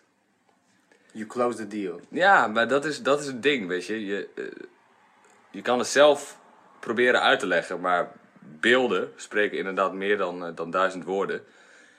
En daarbovenop, als je het combineert, namelijk in film, woorden met beelden, ja, dan maak je, dan, dan laat je echt een indruk achter, dan maak je het persoonlijk. Want het, het is super grappig. Ik, weet, ik kan me nog heel goed herinneren dat ik dat bekeek. En ja, ik vond het heel mooi geschoten. Het was super tof. Alleen ik cringede echt bij die teksten. En wat, eh, het was gewoon zo... Ja, het was heel Instagram face. Ja, ja, het was echt super algemeenheden, maar de ene algemeen aan de andere. Dare to live, dare to be, weet je wel, dat soort dingen, weet je. Zo van, leuk, maar leeg. En eh, nu zit ik met, eh, het viel me gewoon de laatste tijd gewoon op. Dan zit ik bijvoorbeeld in de bioscoop. En dan krijg ik bijna letterlijk die Ja, de video, Grolsreclame. De Grolsreclame, what the fuck. Dus wij, wij waren onze tijd ja. vooruit, weet je. Ja, wij waren onze tijd vooruit. zo'n zo'n meisje dat zichzelf zo opmaakt, echt super hipster. En, en, ja, en dan iemand die dan van een cliff afspringt. Totaal onsamenhangende beelden. En het is allemaal... Maar dat is grappig. Dat is de Made of Moments campagne. Ehm, maar dat, dat zie je nu dat al die grote merken die willen ook in één keer lifestyle face worden. Ja. Eh, eh, die willen die generatie aanspreken. Dus die doen precies hetzelfde wat wij drie, vier, vijf jaar geleden al deden. Ja, dat vond ik echt fascinerend. Ik heb toen eh, ik, heb meerdere malen dat tegen mensen aangegeven van... Yo, weet je nog van Steph's video? En dat, dat zei ze van... Yo, damn it. ja, ja. Ja, ja. dat is pionier. Ja, nou, Nou goed. ja, oké, geitje, maar goed. Hè? Dat is misschien, ja, mag ook wel een keer. Dat mag ook wel, schouderklop. Borstklopje. Nee, maar dat is, dat is een interessante ontwikkeling. En, maar de vraag is, zeg maar, hoe kun je... Aan de ene kant het mooie aan een pionier zijn... is dat je echt nieuwe dingen kunt gaan ontdekken. Het nadeel is dat je ook als eerste de fouten maakt. Dat zie je bij bijvoorbeeld Tesla. Die, die durft iets te zijn, iets te vernieuwen. Die durft een marktleider te worden. Maar tegelijkertijd heb je dus heel veel companies die nu zo lekker in de slipstream zitten. Ja, En die kunnen leren van, fouten, van iemand anders fouten. Ja, ik, eh, ik, ik, ik, ik ben aan het, als ik dan aan het trainen ben, dan, dan, dan luister ik podcasts heel vaak. Vooral als je aan het planken bent of zo, dan gaat de tijd wat sneller. maar eh, eh, ik, ik stond echt met mijn oren te klapperen toen Elon Musk zei dat in het begin van een ander merk hebben zij dat, eh, ehm, eh, hoe heet het, de, de body van de auto overgenomen. En eh, uiteindelijk Van Ford volgens mij. Nee, nee, iets anders. Maar eh, ik moet dat, moet, dat zou ik moeten opzoeken. Maar uiteindelijk kwam het erop neer dat het enige wat er overheen kwam wa- eh, in, het laatst, in het echte model wat, wat in productie is gegaan was de windshield en bijna de steering wheel. En voor de rest kon gewoon alles niet, want dat, dat kon gewoon niet met die, met die eh Ja, je moet het echt opnieuw de- uitvinden. Ja, en dat, hij- dat hij zelf ook zei van ja, ik was toen echt heel erg dom bezig, square stupid, zeg maar. Maar ja, uiteindelijk, die failures zijn echt nodig. Ik durf te wedden dat, dat op zo'n moment dat je dan in één keer... Het lijkt allemaal... Het is ook een bepaald gevoel. Ik weet niet of je dat hebt. Het lijkt allemaal te goed te gaan, te snel. En alles klopt. En ergens, ergens in, je, in je centrum, in je plek, Ja. onder je plexus, bij je hart voel je dat er... Ja, maar het, het klopt iets niet. Ik zie iets over het hoofd. Ja. En dan ben je mee bezig, en maar alles klopt. En dan ben je ermee bezig en dan denk je, dan blijkt het echt totaal iets anders te zijn. Dat het gewoon, ja, dit is het. Ik sla de plank echt mis. Ik zit met een blinddoek op. En ik, en ik ben ervan overtuigd dat dit de piñata is, maar Ja. ik, ik sla mijn moeder voor de bek, zeg maar. Dat, Ik snap het. Ja, bij de een komt de snoep uit en de ander... eh, nou, maar ken je dat gevoel? Heb je dat zelf Ja. ook? Ja, maar dat... dat, dat Wat zijn voor, heb je een voorbeeld van zoiets? Ehm, ja, soms ik heb wel eens bij klanten dat ik denk van ja, dat verkoopgesprek ging wel heel makkelijk. Dat je vervolgens heel veel tijd in stopt, dat er een, een nette marge op zit. En dat bijvoorbeeld eh, eh, een factuur niet betaald wordt. Eh, en dat is, dat is altijd heel vervelend. Is dat vaak voorgekomen? Nou, dat, ko- dat komt wel eens voor. Maar dat heeft met, met name te maken... een schandpaal eh, nagelen hier? Nou ja, nee. Ook dat vind ik niet chic. Eh, maar dat, dat gebeurt wel eens. Weet je, dus, dus je leert heel erg vertrouwen op je onderbuikgevoel. Ik denk dat dat heel belangrijk is. Van, en dan ook dat je kijkt, als je met klanten in zee gaat, komen onze waarden overeen. Ik heb ook klanten gehad die, die zo budgetair gericht waren, dat op een gegeven moment eh, moest ik een autoverzekering afsluiten. Eh, en, en het zou 40 euro extra kosten om het eh, helemaal eh, Rond te krijgen. rond te krijgen, zeg maar, dat, dat het all-risk verzekerd was. Ja, en dat was een probleem. En dat was voor mij een signaal van, ja, dan hebben wij niet hetzelfde doel. Kijk, want ik, ik maak graag overuren. Ik, ben, ik denk, ik bespaar op alles behalve op het resultaat van wat ik doe. Maar wat je heel snel krijgt als, als klanten dat andere waarden hebben, namelijk dat ze de, het eindresultaat minder belangrijk vinden dan jij, ja, dan gaat dat in feite ten koste van jezelf. Eh, dus, dus ook daar, weet je. Dus niet moet te je soms- gretig zijn. Ja, niet te gretig. Eh, eh, Ja, want. Even, even terug naar wat we voor de plaspauze het over hadden. Ehm, over gretigheid. Jou, die vriend van jou, Johannes, waar je dus de, uiteindelijk de eh, best man van bent geworden, die heeft een heel succesvol eh, soort van Kalimucho-achtig drankje, alleen dan in, in Kaapstad, als ik me niet vergis. Die, dat heeft hij tot een succes gemaakt. En toen zijn jullie langzaam overgestapt op iets samen, op iets wat de Dutchess heet. Dat klopt. Ja, de Dutchess is een non-alcoholische gin en tonic. Ehm eh, Maar dat is ook toch eh, ook zo'n tijd vooruit toen jullie daarmee begonnen. ja, echt, daar zijn we twee jaar geleden mee begonnen. En je ziet nu dat, eh, dat alle grote merken dat, dat, dat oppakken. Omdat het is ook weer een generatieding. Ehm, ik weet niet precies waar dat ligt, maar mensen zijn steeds bewuster van welke rotzooi ze in hun lichaam stoppen. Ehm, ja, ik denk dat Tim Ferriss, eh, onze Mattie, eh, Waar ik dankzij jou eh, ooit aan geïntroduceerd Ja, de 4-hour workweek. De, de alle- Four Body heb je me Oh ja, de body. Nee, voor- nee, de workweek. Je, je begon, je- ik weet nog heel goed dat ik in één keer een pakketje thuis binnenkreeg. En dan was voor onze Lustrum Gala. Zodat ik de strakste Bulgaar kon worden op, op, op Lustrumreis. Ja, Ja. dat was het. Ja. Voor degene die luisteren denken Lustrumreis, Lustrum Gala. Wij, wij hebben allebei bij een vereniging gezeten. We zijn dispuutgenoten, dus dat heb je... Dat heb je Dispuut, dat- mooi. Ja, mooi. We gaan morgen... Jij bent hier ook omdat een van onze disputen... eh, eh, om- van- nou, niet van jouw lichting, mijn lichting, dat die gaat trouwen morgen. Dus dat is de occasion. Dus Ja. Super dank, bedankt Steven dat je Stef weer eh, deze kant op hebt gestuurd. Maar, nou, nou, dan ben ik mijn, mijn ding kwijt. Waar hadden we het over? Tim Ferriss, maar daarvoor was het Gretigheid. gretigheid. De Dutchess, vooruitgang. En gretigheid. Nou, het voordeel van de non-alcoholische eh, drankjes, eh, you, you can never get high on your own supply. Dus dat is een, een eh, die gretigheid zit daar niet echt in. Ehm, Jullie waren gretig, want jullie hadden al een drankje op de Zuid-Afrikaanse ja, markt gebracht. ja hij, hij- ik niet. Hij had een, eh, een, eh, succesvol merk dat heette Brannas. Ja. in eh, Zuid-Afrika met name de, de, de, de Afrikaanse eh, cultuur, dus de, de, de witte Afrikaanse cultuur. Eh, dat drinken ze heel vaak cola met rum. Of cola, dat zeg ik verkeerd, cola met brandewijn. Dus brandewijn, dus cognac. Gat, dat klinkt heel goor. Ja, ja, maar dat is daar een dingetje. Want, Is het eh, lekker? Ja, want je, aan de ene kant krijg je de, de kick van, eh, eh, van de cognac, maar de, de, de sugar rush van de, van de cola. Dus dat is zeg maar hun vodka, vodka Red Bull. Ehm, en toen zijn we met het lumineuze idee gekomen om het te combineren in een draft. Dus, dus in plaats van dat je het apart moet inschenken, eh, kun je dus gewoon van de tap halen. Waardoor de, de carbonatie altijd perfect is, de, de temperatuur. En hij heeft er een heel eh brand story omheen gebouwd. Eh, en dat is enorm aangeslagen. Ehm, maar ja, het feit wat, wat interessant was, is dat twee dingen die een neerwaartse trend ha- hadden, waren namelijk suiker en alcohol. En dat Ja. was precies het product wat hij verkocht. Dus hij dacht, hoe kunnen we dat anders aanpakken? Eh, en toen zijn we met het idee eh, gekomen van een, een low sugar, eh, non-alcoholische gin en tonic. Eh, en dat was inmiddels twee jaar geleden. En je ziet nu pas dat het, eh, dat het eh, enorm eh, eh, speelt.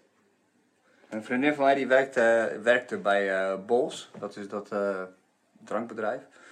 En ehm, toen eh, zij hoorde dat ik niet meer dronk, eh, toen kwam ze aan met een low balls. En Ja. dat was dan een, ehm, een drankje wat, waar, waar volgens mij iets van 1% in zat of zo, of 2%. Het was dan met een komkommersmaakje en dan kon je door je tonic heen doen en, en dan werd het nog meer verdund en dan kon je gewoon meer van drinken, want dat was... Nu pas kwamen ze met, met dat idee, want ja, ze kwamen erachter dat... Ja, je kijkt naar de vraag. Weet je, Ja. dat is een bedrijf die maakt al eh, 100 jaar eh, eh, sterke drank. En als dat altijd is wat je altijd hebt gedaan, dan is dat wat je dat ook vandaag doet. Dus, dus ook daar geldt weer, luisteren naar wat je klanten willen. En als dat verschuift, en dat heb ik nu bijvoorbeeld van campagnebeeld naar meer lifestylebeeld. Eh dan moet je daarop durven inspelen. Want als je is niet doet, Dat is wel een hele grote verandering van drank naar niet-drank als bedrijf dan van... Ja, maar blijkbaar is het businessmodel, weet je, als, het, als, het dat, als we nu niet instappen, kijk, je kijkt altijd naar, naar, naar VEX. Hè? VEX is, is een eh, Lat- Latijns voor, voor probleem. Dan kijk je, oké, welke challenge hebben we? Nou, de challenge is dat er steeds minder drank werd gedronken. Ja. Dan ga je kijken naar de visie, de vision van, oké, hoe, wat willen we dan wel zijn? En als we drank willen blijven verkopen, dan moeten we dus iets met de alcoholpercentages gaan doen. Eh, en vervolgens kom je bij de steek van, ja, wat is de consequentie als we nu niet veranderen? En die consequentie is dat je dan eh, afnemende omzet hebt. En dat in feite... Kijk, misschien dat mensen over tien jaar, weet je, dat, het, dat, dat alcoholische dranken net zo'n stigma hebben als, eh, als de, de tabaksindustrie eh, heeft doorgemaakt. Kijk, mensen willen de lusten Maar mensen worden zich steeds bewuster van de lasten. En dat is dus door, door gasten als, eh, nou ja, hoe heet het? Eh, als Ferris bijvoorbeeld. Of als eh, sowieso de meer toegankelijkheid van informatie voor, Ja. voor mensen. Ben ik een beetje eens. Maar dat is net als met de kostprijs van een product. In één keer dat je erachter komt van, eh, als je het over de voedingswereld hebt, eh, heb ik het ook vaak met mijn eh, collega eh Mustafa over gehad, met wie we deze podcast doen, is dat je, ehm eh, het is een parallel universum. Het, is, het gaat niet om gezondheid, het gaat niet om, het is uiteindelijk van, van hoe zou ik het zeggen, van geluk, van een geluks eh, product wat wel goed voor je had moeten zijn, is dat overgegaan naar geld verdienen en zoveel mogelijk inleveren Ja. daarop. Zodat je nog steeds inderdaad gebakken lucht verkoopt en de droom, maar niet, Het product. eh, ja, niet bloed voor de droom, zeg maar. ja. En dat is, dat is heel pijnlijk om, om, om dat te zien. Ik zie het ook met blogs bijvoorbeeld, dat daar eh, slechte kwaliteit is. Alleen, het gaat om Content. Content, content. Eh, Of het nou verkeerd geschreven is of niet, het staat er en we hebben een artiest geïnterviewd. Maar ja, dat, ook hoe, hoe, hoe scheef het ook geschreven is, Ja. het maakt niet uit, want we hebben die naam en hop, door naar de Maar volgende. wat, wat denk jij? Denk je dat, de- dat de inhoud uiteindelijk gaat winnen van de, van de hoeveelheid? Ja. Ik denk dat er altijd een eh, moment is eh, waarop de bubbel burst. Gewoon, Ja. de bubbel burst en dan gaat iedereen van wacht even. Dit gaat te ver. En dan is het echt een soort van radicale terug naar af. En dan is kwaliteit in één keer weer super high in het vaandel. En langzaam gaat het weer omhoog. En dan gaat het, blaast het bubbel zich weer op. Maar ik denk dat uiteindelijk, want je, je, de droom is de kwaliteit. Het is, het is wat, wat het belooft te doen. En bijvoorbeeld een, een, eh, een Tesla, eh, als je die koopt, dan eh, wil je inderdaad dat, dat je eh, bij wijze van over een paar jaar, eh, tenminste ik wil dat ik over een paar jaar in een Tesla zit, eh, die zelf rijdt en de, de stem van Arnold Schwarzenegger heeft. Ja. Weet je wel? Je eigen Arnold Schwarzenegger soundboard. Ja, Ja. Daar is ongetwijfeld al een app voor. Sarah Maar Connor. get to the chopper. Get to the chopper, get to the home. Want dat is, dat is wel iets wat we, nou ja, bijvoorbeeld met dat mag, is, dat, daar draait het bij ons om. Het gaat niet om de kwantiteit, want bij ons verschijnt er ook soms weken niks op. En dan was er iets op verschijnen, dan willen we dat het echt gewoon een, eh, een kwalitatief goed stuk is. Ja. Eh, ik leer daarin heel erg veel. Ik, leer, ik heb toen bijvoorbeeld, toen ik bij Sikon ben gaan werken, eh, heb ik heel erg geleerd over hoe je content kunt presenteren. Bij het dagblad heb ik heel veel geleerd hoe je, hoe je nieuws kunt schrijven. En eh, dat verbetert het telkens. Dus ik kijk ook wel nog wel eens naar mijn oude stukken en dan denk ik van, oeh, dat is helemaal niet zo goed. En dan lees ik het en is dan is het niet goed op het oog, omdat ik dan die alinea's niet wil. Omdat ik nu mijn zinnen anders formuleer. Ja. Maar toen was ik daar nog wel heilig van overtuigd, weet je wel. En we worden er ook wel voor benaderd, omdat wij dat leveren. En jij ook, als fotograaf. Ja. Dus, en de- in dit geval dus eh, met Drank de Dutjes, die dus compleet andere kant op gaat, is nu binnen twee jaar best wel een succesverhaal aan het eh, worden. Ja, met name, hè, we doen het super supergoed in, in Zuid-Afrika. Eh, en daar groeien, we- groeien we nog steeds super hard. We hebben ook ongekende groei doorgemaakt, met name voor een start-up. Eh, maar dan is de vraag, eh, internationale expansie. Want uiteindelijk is je, is je product net zo groot als dat je durft te dromen. Ehm, en daar moet je wel op voorbereid zijn. Want, want ik, ik, eh, ik, ik merk nu, weet je, nu mijn vak steeds commerciëler wordt en steeds verder, verder wegdrijft van hè, beelden die mij inspireren, ehm, ja, ga ik ook steeds meer de kunstkant op. Ik heb bijvoorbeeld eh, in eh, november een, een expositie in, het, in het Parkhotel, genaamd Horseman. Is dat in Amsterdam? Ja, Creative Destruction naast het eh, Rijksmuseum. En eh, die serie die heb ik ook zelf helemaal gefinancierd. Eh, en, en het mooie is aan, aan die serie is dat het iets is wat ik. Weet je, die heb ik geschoten uit mijn onderbuik. Want ik wilde iets delen met de wereld. Niet omdat iemand mij een product gaf waar, waarvan ze er meer willen verkopen. Nee, daar is het beeld is het product. Ehm, en daarbij, ja, op een gegeven moment, weet je, vaak lopen we weg van onze demonen. Dat we, dat we ze wegdrukken, dat we ze niet willen accepteren, dat we gewoon net doen alsof ze er niet zijn. Ja. En hoe harder we ze wegdrukken, hè, op het moment dat we even niet opletten, hoe harder ze ons terugpakken. Hè, eh, eh, Jong noemt het ook wel de, de shadow side. Ehm, en, en wat ik heel mooi vond is, wat nou als we hè, deze brengers van destructie, hè, de Four Horsemen of the Apocalypse, als we die kunnen zien als brengers van vernieuwing in plaats van brengers van, van destructie. Want alles wat, wat kapot gaat, eh, biedt weer ruimte voor, voor vernieuwing. Ja. Ehm,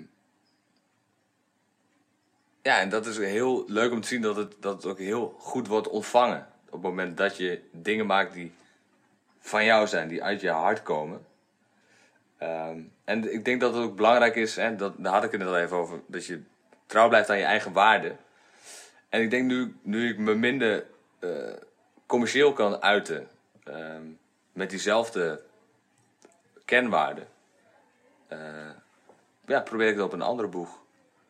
Dus, dus hè, ik had het net over, eh, als mensen het mooi genoeg vinden, als ze het waarderen, dat is voor mij een waardering aan zich. Ja, dan is op het moment dat jouw fotografie kunst wordt, dat is misschien wel het ultieme en hoogst haalbare voor mij als, als, als artiest. Ja, dat is dan, dan, dan word je tijdloos. Ja, je, je wilt een. eh, Ja, dat is misschien, dat gaat wel heel ver, maar dat is ook een soort van legacy.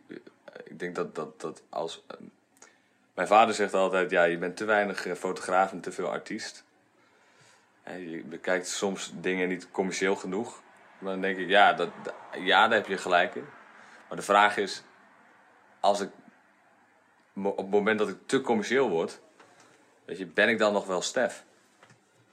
Ik vind het mooi dat je je, je power brengt, want eh, we hebben pas laat, ja, ik heb ik, misschien vorig jaar echt eh, voor het eerst dat van jou gehoord. Eh, maar dat, dat jij zo ondernemend bent, komt een heel groot deel uit vanuit je ouders. Ja. Want het is niet, niet, niet voor niets dat, eh, dat jij al die dingen eh, hebt gedaan. Zoals een van de mooiste, mooiste voorbeelden die ik ook volgens mij in mijn, een van mijn eh, stukjes in de universiteitskrant vroeger heb gepubliceerd, was jouw, jouw zelfgebouwde vleugel. En dat kwam omdat jouw pa zei van ja, later dat ik jou geld geef voor een echte vleugel. Ja, ik,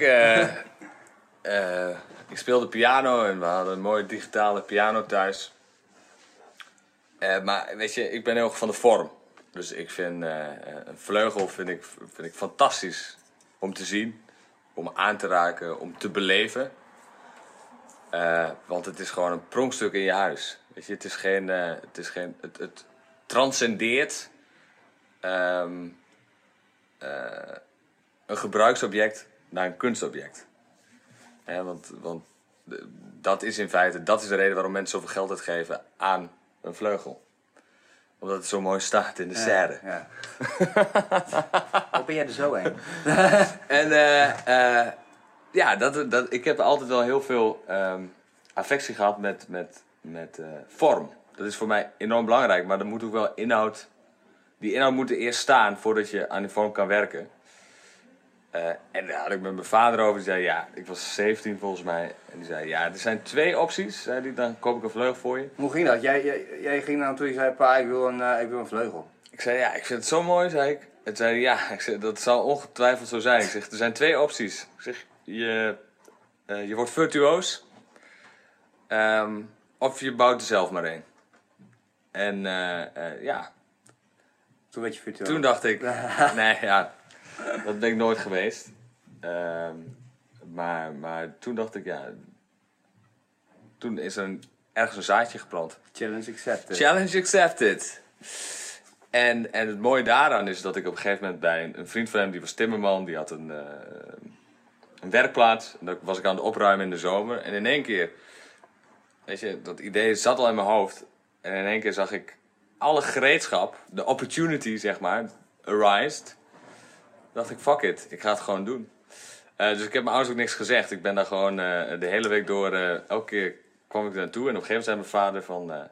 Waarom stink je zo ben je, ben je nog niet klaar met opruimen daar? Wat, wat, wat, wat voor rotzooi is er daar dan? Zei ik, nee, zei ik. Ik ben een vleugel aan het bouwen. En toen... ehm, toen was het mooie...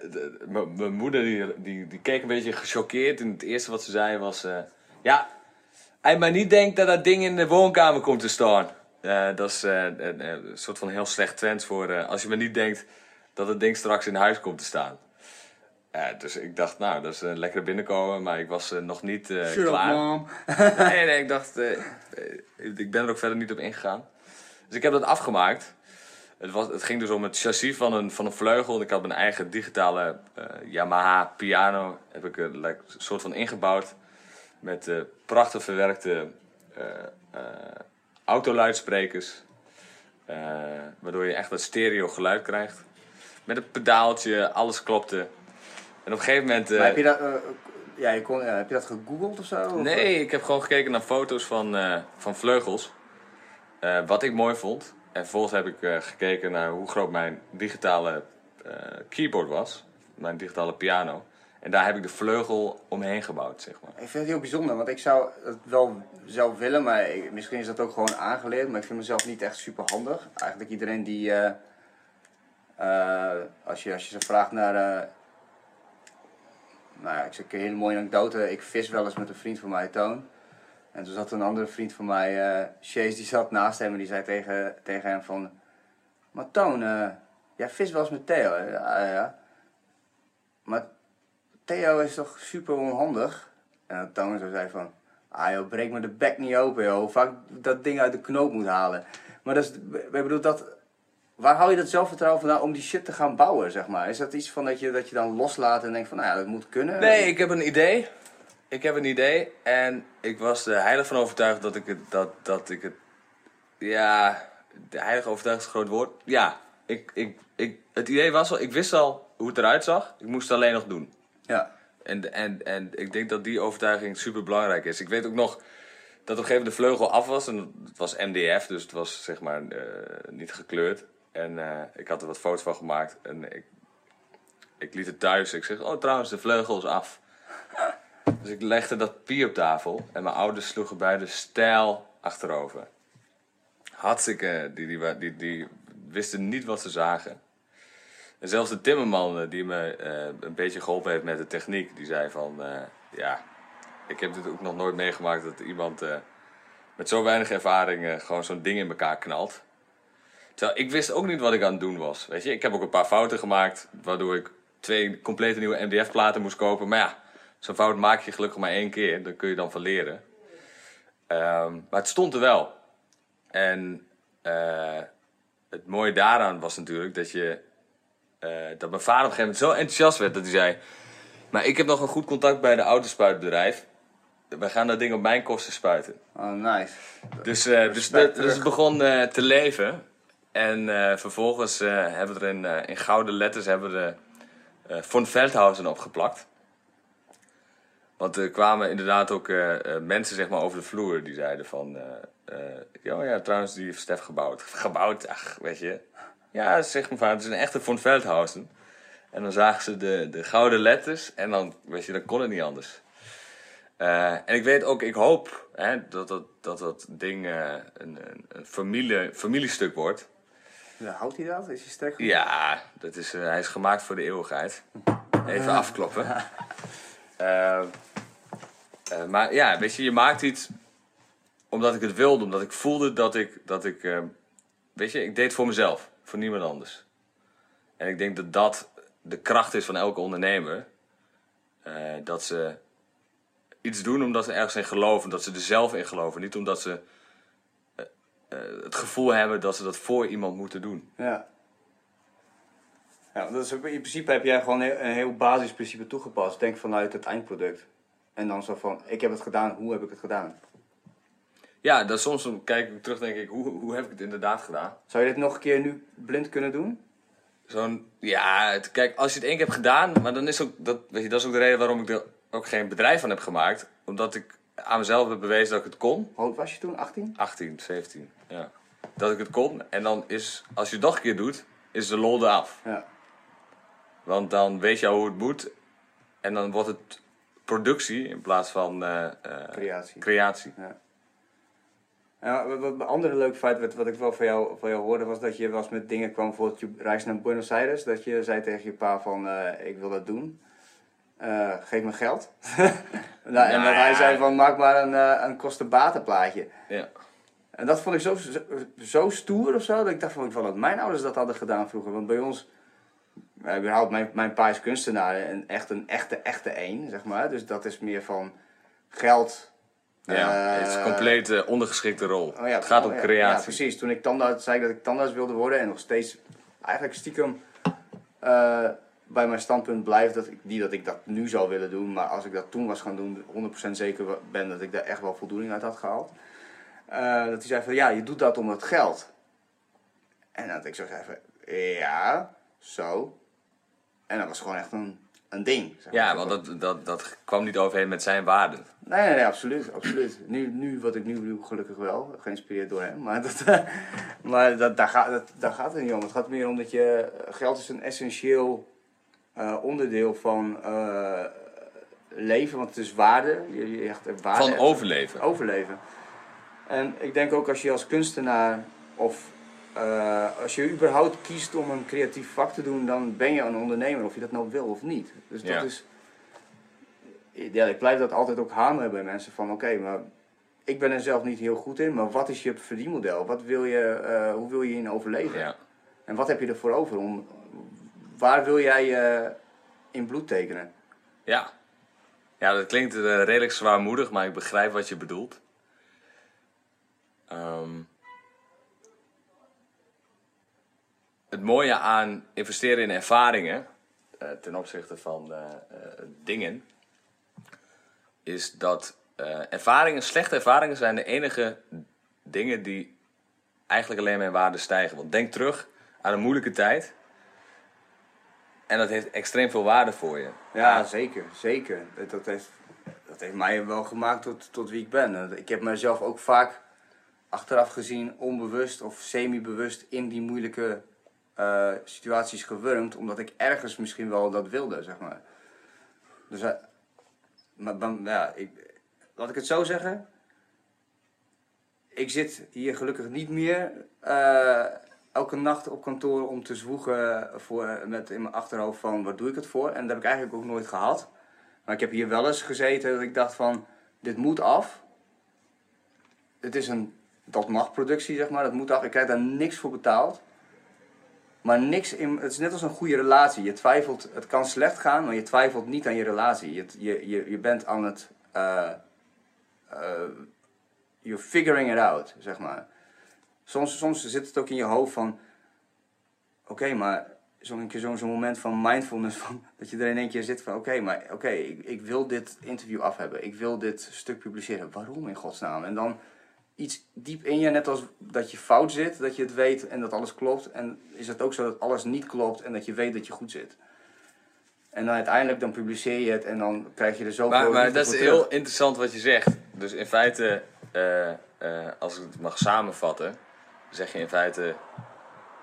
eh, op het moment dat je aan jezelf begint te twijfelen, in plaats van aan je project, daar zit het fundamenteel verschil. Ja, Eh, eh, dus als jij heel erg in tune bent met je eigen waarden, eh, wie En- ben en- ik? En de wereld om er, eromheen klopt niet. Ja. Dan, Ja, dat is die quote die ik van Ja. Bernard Shaw die ik net, net gaf. Die unreasonable man. Dat is de enige manier om, het, om een verschil te maken. of my favorite. Be unreasonable. Ja. How weird can you go? Ja, Zelfs net als om. nou ja, het is niet een idool, want ik bedoel, het was zelf ook een randebiel, maar Hunter S. Thompson, door wie ik wel geïnspireerd ben in mijn schrijfstijl, niet zozeer in hoe hij was als mens, maar eh, when the going gets weird, the weird turn pro. En ik ben altijd zelf eh, als, als nou, ik, ik, ik kom uit een andere cultuur. Ik ben daar ook echt opgegroeid, zeg maar, tot aan mijn zevende. En dat is echt wel een basis die je meekrijgt van maar dat is de, de. Oostblokcultuur ja, waar de. Oostblokcultuur. En ik bedoel, ik heb eh, Hoe ziet die eruit? Oostblokcultuur. Ehm, het is nooit genoeg. Je moet altijd de beste zijn. Het is nooit genoeg. En eh, je moet overal in uitblinken. En dat zonder echt goed, zonder dat het echt goed gefundeerd is, vind, vond ik zelf. Van, je moet gewoon de beste zijn, want dat hoort zo. Als je dat niet doet, dan, ja, dan Ben ben je ben echt een chap. Ja, dan, dan, dan, dan heb je gewoon niet, ja, you didn't put in the work. En dat is wel, nou, ik heb het ook wel vaker besproken met mensen, maar dat is mijn, aan de ene kant is dat mijn, eh, mijn, mijn vloek en mijn zegen, zeg maar, die tweesplitsing. Ja. Want ik, ik weet hoe het, hoe het is om geen Nederlander te zijn. Van, ah, ah, hoeft allemaal niet. Gewoon je best doen. En Als, ja, ja, als je, Ja, als je de, je de, best kop hebt gedaan... boven, het- de kop boven het maaiveld in feite. Precies, gewoon, Harry Moeders heeft het ooit een keer gezegd. Van, in Nederland eh, is alles een dubbeltje, maar ik wil een kwartje zijn. Weet je wel zo. En eh, het moment dat je alleen maar van thuis die win-win-win krijgt, dan eh je moet een winnaar zijn, alleen dan niet goed onderbouwd. Ja, dan word je Dan heeft dat geen zin, want iedereen om je heen die zegt van, gast, je bent hartstikke gek. ja, maar omdat je nu in deze cultuur zit, bedoel je? Ja, ja, ja, ja, absoluut. Maar deze cultuur wisselt nu ook, want ik, ik ben een kind van de zesjescultuur. Maar ik ben geen zesjescultuur meer. Ja. Want op het moment dat ik met mijn passie bezig ging, toen deed het in één keer wel toe dat ik de beste was. Toen had ik een reden, toen had ik, toen had ik een doel. Ja, en dat is intrinsieke motivatie versus eh extrinsieke Precies, je motivatie. kan niet gewoon de zelfdiscipline van buitenaf uitoefenen, omdat dat gewoon niet werkt. Als jij niet het hebt om, te, om het voor te doen. Ik denk dat mijn ouders een hele goede, goede eh, eh, job hebben gedaan met mijn opvoeden. En ik put er nu achteraf wel heel veel van. Dat ik denk van, Jezus, dat hebben zij mij vroeger echt vet verteld. Van, eh, terwijl ieder, ik, ik overdrijf het ook altijd met, met, met, mijn, met, mijn, ma- met mijn vrienden. Zo van, winning, weet je wel, we komen hier op was op kantoor, winning. Of iemand heeft dan hier de hele nacht doorgewerkt en, en het is dan af en het is opgestuurd en goedgekeurd. En dan is het, yeah, weet je. Failure ain't an option. Ja. Maar failure is ook een, eh, Failure is the only option. is the only option. Failure is eigenlijk iets, iets, het beste wat je kan overkomen. Want op het moment dat je iets bereikt hebt, is het klaar. Ja. Je kan beter de, het, het falen leert je veel over jezelf, maar het geeft je ook de skills. ja, en dat is denk ik ook direct weer ehm, hè, de, de, de, de tegeltjeswijzer die er een beetje uit kan halen. Is dat, dat de, journey. ja, de weg is, is belangrijker dan, eh, eh, dan de destinatie. Want uiteindelijk gaat het hele universum op in een hele dunne, dunne nevel volgens, ehm, hoe heet het, volgens eh, natuurkundigen. Dat is het einde van het universum. Het wordt gewoon één dunne nevel, helemaal kil, helemaal koud, alles is dood. Dus wat heeft het voor zin wat we aan het doen zijn, überhaupt? En is dit überhaupt echt? Of is het een simulatie? Dat is, dat is de andere vraag. Ja. Dat je op het moment dat je daarin gaat duiken van eh, dat het voor eh, volgens de statistieken gewoon de kans dat dit werkelijkheid is 1 in een bil- biljoen is, zeg maar. Ja, dan, dan, dan word je gek. Dan, dan kun je beter ophouden. Dan is het einde zoek. En dus je kan, of dit nou een simulatie is of niet, je kunt er, moet er gewoon het beste van maken. Eh, en dat is heel makkelijk gezegd als je eh, een white straight dude bent in Groningen. Waarin de wereld aan zijn voeten ligt. Jij hebt al, dat allemaal mee behalve dan het straight zijn. Dus je hebt al vanaf het begin af aan heb je jezelf al meer karakter moeten kweken in mijn ogen, zeg maar. Want dat is ook, net als met niet drinken bijvoorbeeld, waarin ik me altijd moet verantwoorden. Of met vlees eten, waarin ik me moet verantwoorden. Dat zijn dingen die ik echt sinds twee jaar doe. En jij doet dat waarschijnlijk al je hele leven. Dus dat vind ik ook altijd een, een heel... eh, Ja, in de, in de weerstand wordt de kracht geboren. En eh, je had het eh, helemaal aan het begin over een, eh, een, een ruwe diamant. En de enige manier waarop een diamant zijn glans krijgt, is, is door ja, pressie. Ehm, en, en ja, dat is. Weet je, het is heel makkelijk om dan in een soort van tegeltjeswijsheid wijsheid te vervallen. Maar dat, je komt toch weer op de basics terug. Als je, als je het wil bereiken, moet je bloeden. En, en eh, no je pain, je- no gain. ja, no pain, no gain. En, en ja, Vandaag nog, eh, nog een gesprek over, eh gehad over de app met, met Chase. En die zei van, dat hij nu aan het, ook aan het carnivoren was. En, en dagelijks aan het, aan het trainen en aan het, aan het rugbieren. En dat hij vet shredded aan het worden was. Alleen dan wel aan het aankomen. En ik zou tegen hem van, ja maar volgens mij kun je... eh, wat ik uit literatuur weet, is dat het niet normaal is eh, dat je meer dan dat een gemiddelde man met, met, met trainen niet meer dan 3 kilo per jaar kan aankomen. Waarop zijn antwoord was van, eh, oh ja, een Arnie dan, in de Army, die is 12 kilo aangekomen aan muscle. Weet je wel? Hoe dat dan? En überhaupt, ik dacht ook dat, eh, dat ik gelezen had dat, eh, dat je maar 15 gram eh, proteïne kunt verwerken. Dat is ook allemaal bullshit achteraf gezien. Het is, iedereen bent en lult er maar omheen. En uiteindelijk is waar we nu bezig, waar we nu naartoe gaan, is met, een, met, met wetenschap en alles, is dat ook aan wetenschap begin je steeds meer te twijfelen, zeg maar. Omdat dat ook weer gesponsord wordt door iets. Er zit ook een bepaalde ego in. En daar worden resultaten. Hoe kan het zijn dat vroeger eieren dan hoge cholesterol gaven en nu niet meer? Ja. Hoe kan het zijn dat vroeger rood vlees werd bestempeld als eh, kankerverwekkend en dat het nu eigenlijk be- be- langzaam bewezen wordt dat het niet zo is? Dat heeft natuurlijk ook te maken met vested interest. Dus, dus er zijn bepaalde industrieën die er baat bij hebben als bepaald nieuws eh, niet naar buiten komt. Eh, weet je, dat gaat om, om, om heel veel geld met heel veel, heel veel lobby. Ja, dat, dat, dat is uiteindelijk wel duidelijk, maar dan zit je eigenlijk nog steeds in een soort van speeltuin waarin iemand dus de regels bepaalt en iedere keer de regels veranderen, terwijl je niet weet. Ja, maar de vraag is: kijk, iemand kan de regels wel veranderen. Maar het is aan jou om te bepalen welke regels je houdt. Ehm, en, en daarom is het zo belangrijk om zelf die regels uit te vinden. Eh, eh, of in ieder geval kritisch te kijken naar de regels van andere mensen. En, en dat is ook het, het moeilijke aan, aan, aan goed ondernemerschap. Goed ondernemerschap is verandering. En als mensen ergens een hekel aan hebben, is het verandering. Dus je bent constant tegen de stroom in aan het zwemmen. Iedereen, iedereen zegt verklaar je voor gek. Ja, in het begin eh, wel. Ik, ik heb wel gemerkt toen ik eh, zei dat ik fotograaf wilde worden, werd daar een beetje laconiek op gereageerd. Hè, want ik had natuurlijk een universitaire opleiding. Ehm, Want je hebt die internationale eh, betrekkingen, ja, dus En eigenlijk een soort van, soort van diplomatenopleiding gedaan. dus je zou nu eigenlijk in Afrika ergens moeten staan en voor UNICEF eh, dingen. Ja, ja dat, eh, dat is natuurlijk... Het eerste deel klopt, het tweede niet. Ja, ik weet niet. Maar ik heb heel erg ge- gekozen voor, voor een vrij leven. En, en dat is natuurlijk, hè, aan de buitenkant lijkt het mooi als ik vertel dat ik mijn, mijn tijd verdeel tussen, tussen Kaapstad en, en Amsterdam. Miami, New York. Miami, New York, dan kijken mensen, die, die, die, die, dan worden ze een soort van, ja, Mesmerized. mesmerized.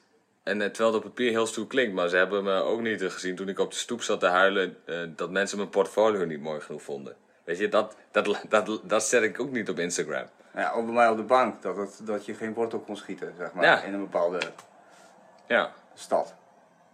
En dat is. ehm,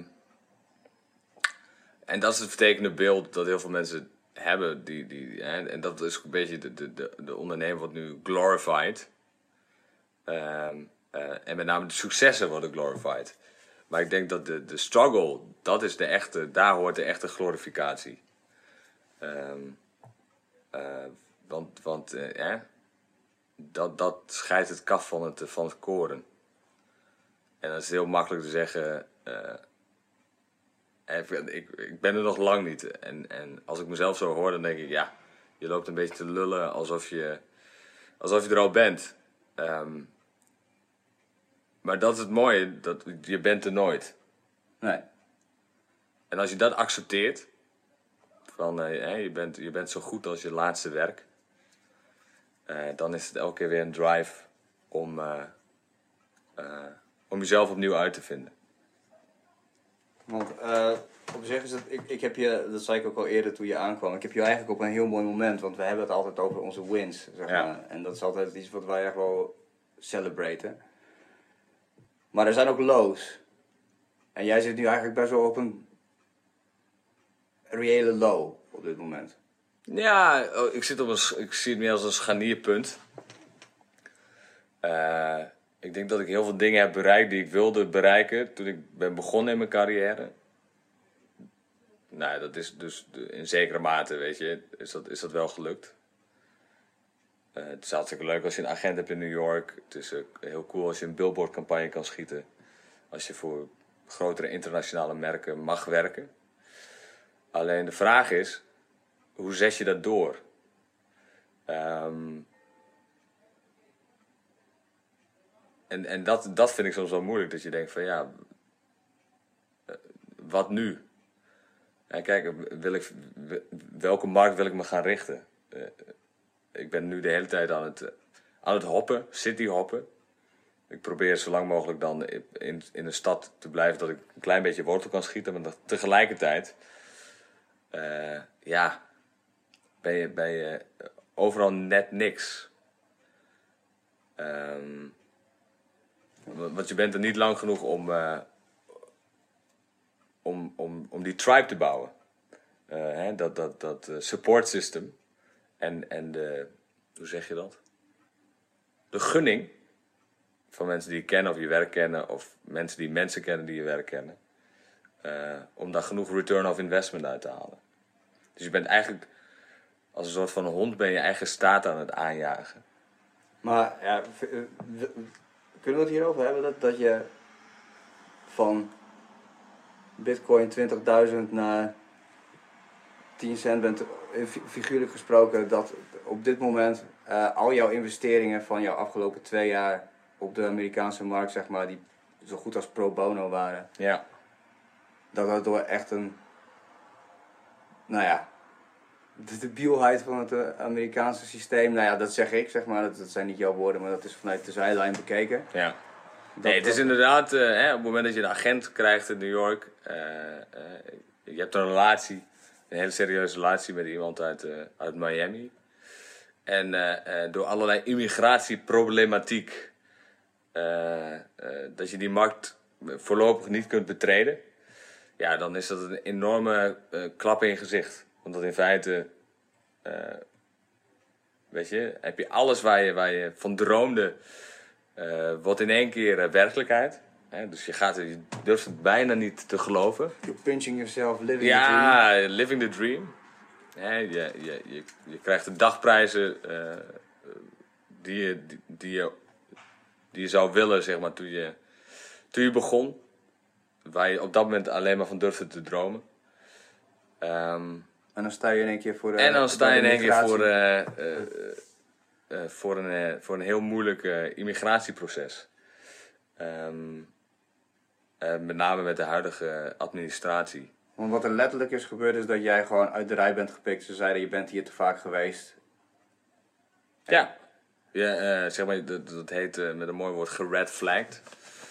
Uh, dus op dat moment word je, word je uitgenodigd voor een gesprek, om het maar even mooi te noemen. Dan gaan ze je zaken doorzoeken. En op een gegeven moment werd er gevraagd: waarom vliegt u zo vaak terug? Ik zeg: ja, ik heb een, een vriend in Miami. En het eerste wat ze zei was: ben jij van plan te trouwen? Dat was een vrouw. Ja. Daar zou je toch meer empathie van verwachten? Ja, dat, dat zou je denken. Maar uh, uh, dat was, uh, was een, een dingetje. En, en ze waren heel erg op gehamerd. Ik zeg, nou ja, we hebben, ik ken hem pas anderhalf jaar. Ik heb verder geen trouwplannen. Zeg maar, ik vlieg inderdaad heel vaak heen en weer. en vervolgens zegt ze... ja, maar dat... ik, ik, ik denk dat jij illegaal gaat trouwen. Uh, en uh, om die reden uh, wil ik je niet meer het, het land binnenlaten. Oh, holy shit. Ja. Wat ging er door je heen op dat moment? Ja, heel veel. denk ik. Heel onwerkelijk, omdat, weet je, je, je zit net in een beginstadium van een, van een nieuw pad in je carrière.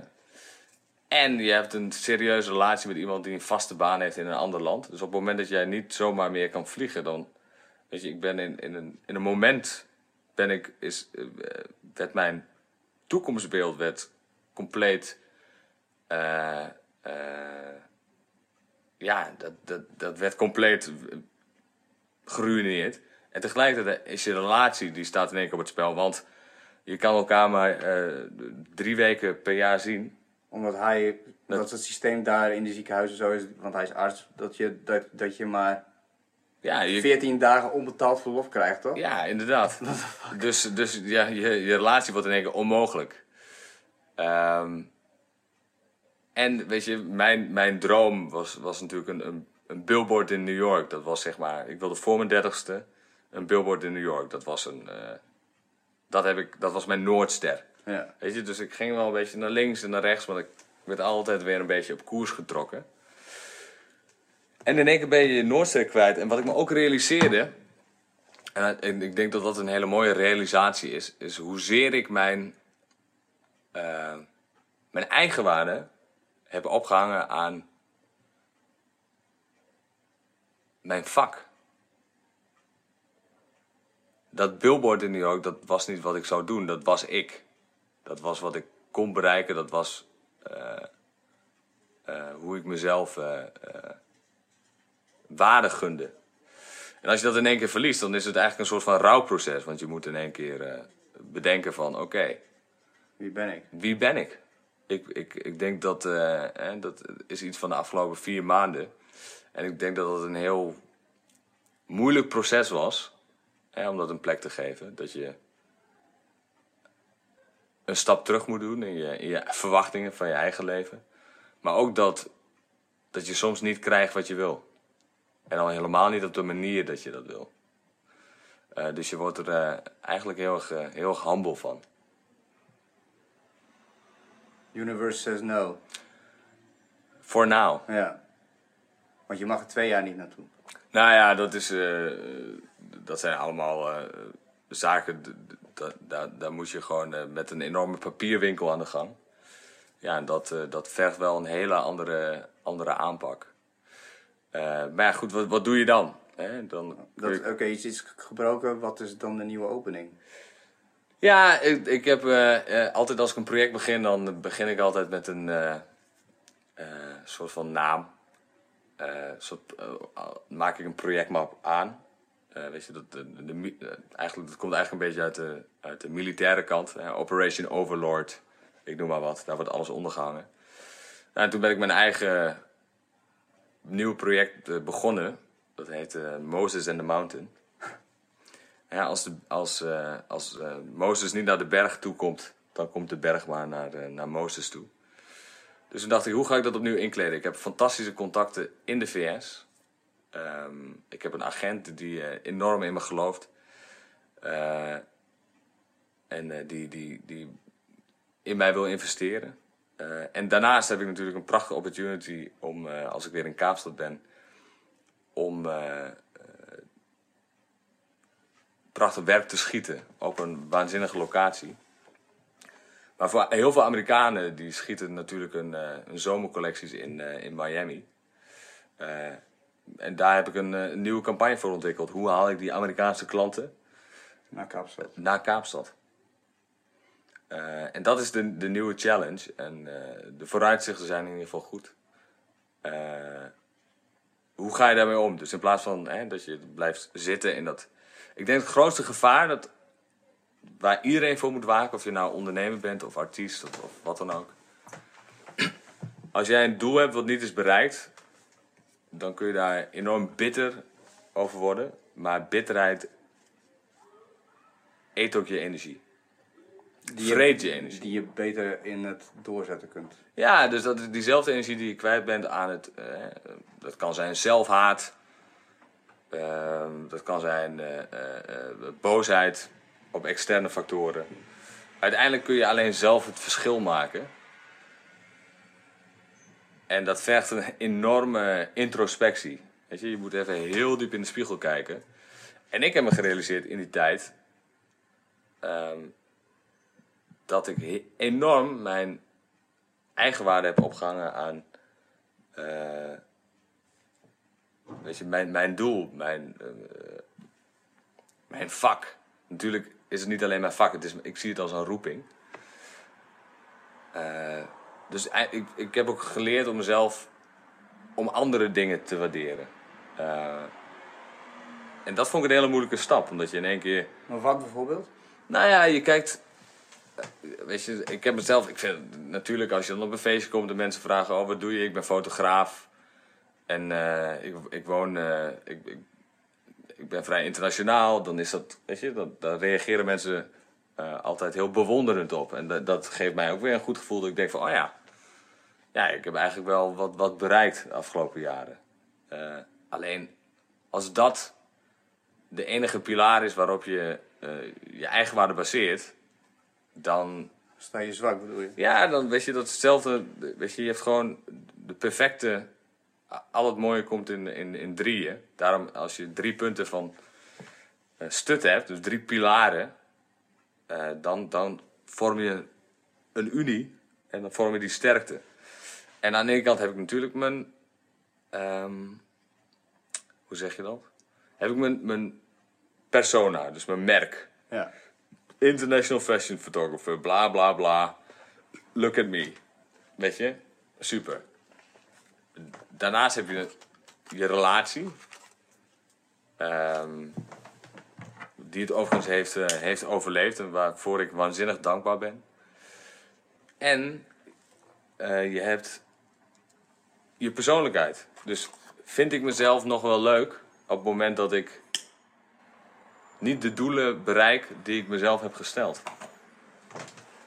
Dus je moet, in feite heb ik de, de afgelopen vier maanden geleerd eh, om mezelf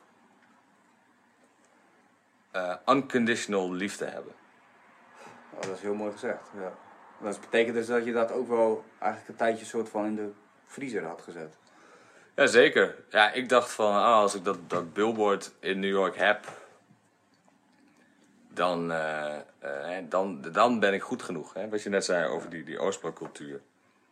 Als ik, het, als ik het haal, dan ben ik wel goed genoeg. Maar dat betekent ook een enorme schaduwzijde. Als ik het niet haal, wat ben ik dan voor mezelf? En misschien nog enger op het moment dat je het al gehaald hebt en je staat daar, het astronautensyndroom, zeg maar. Wat kan ik nog bereiken? Want dat is de volgende stap, zeg maar.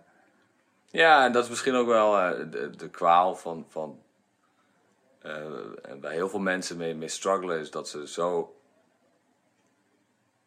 zo gericht zijn op, eh, op het einddoel dat ze vergeten van de reis te genieten. Ehm, en misschien, weet je, had het ook zo moeten zijn op het moment dat, dat het universum, hoe je dat dan ook noemt, je een klap in je gezicht geeft, betekent ook dat je, misschien nog niet, dat je er misschien nog niet klaar voor was. Ja, ik, ik moet een beetje aan dit verhaal denken aan. Ja, ik ben, wij zijn allebei wel Arnie-fan. Maar dat eh, Schwarzenegger zeg maar, vanaf zijn eh, negentiende eigenlijk al een, eh, een succesverhaal is. En daarom ook naar Amerika wordt gehaald. Eh, en hij is gewoon gewend door zijn werkethos. dat is gewoon één geworden met, met hem. Waardoor hij altijd overtuigd is dat hij wint. En hij heeft eigenlijk vanaf op een gegeven moment heeft hij altijd alle bodybuild wedstrijden gewonnen. En hij komt daar en hij staat tegenover. eh, nou, dan ben ik zijn. nou, een, een, Cubaan. En eh, in Miami. En die gast hakt hem de pan in. En hij zit dan vervolgens echt in zak en as. Echt in zak en as. En dan zit hij, hij, hij schrijft volgens mij in zijn biografie ook dat hij met zijn tasje, kijkt hij naar zijn tasje en hij is gewoon met één leren tas, gewoon met kleren naar, naar de US gegaan. Com- compleet overtuigd van zijn awesomeness. En het is gewoon gone, in één klap. Het is gone. En eh, dat hij ook gewoon aan het janken is op zijn bed in zo'n motel. En dan denkt van, what the fuck moet ik nu? What the fuck moet ik nu doen, weet je? En dan... Het eerste wat er dan eh, in hem opkomt is dan gewoon en door. Even rouwen, gun je dat moment, hij gunt dat moment, hij belt volgens mij zijn moeder of zo en gaat vervolgens gelijk de gym in. En dan gaat gewoon, oké, nieuw doel. En uiteindelijk ja, is, is hij ongeëvenaard eh in die periode, want hij wint uiteindelijk wel van die, eh, van die Cubaan. Ook met een beetje vals spel, maar eh, hij wint wel. En, en, dat, en dat, zet, dat zet hem ook gewoon weer op, op zijn troon. Maar dat waardeert hij dan ook zo van, oké, er is dus altijd een downside. Er is altijd, de Black Swan is real. Want niemand zag dit aankomen, ook bij jou, de Black Swan. Het Nee. is gewoon iets compleet, gewoon eh, een bitch Random. slap. Random bitch slap. En uiteindelijk eh, zet het je relatie op het spel. En dat blijkt gewoon super sterk te zijn. Eh, ik praat, ik heb jou in verschillende fases meegemaakt. Dat is dan wel weer mooi om, omdat we elkaar dan vroeger veel zagen en nu echt één keer in het jaar, denk ik. Eh, dan zie ik jou, ik heb jou hyper zien gaan eh, op de golf van Zuid-Afrika. Ik heb, jou, ik heb jou daarna low zien gaan op de, op de golf in Amsterdam. Daarna weer hyper zien gaan op de, eh, op de successen in, in Amerika. En nu is dit weer de golf die breekt. En dan er is altijd een nieuwe golf natuurlijk. Keep on surfing.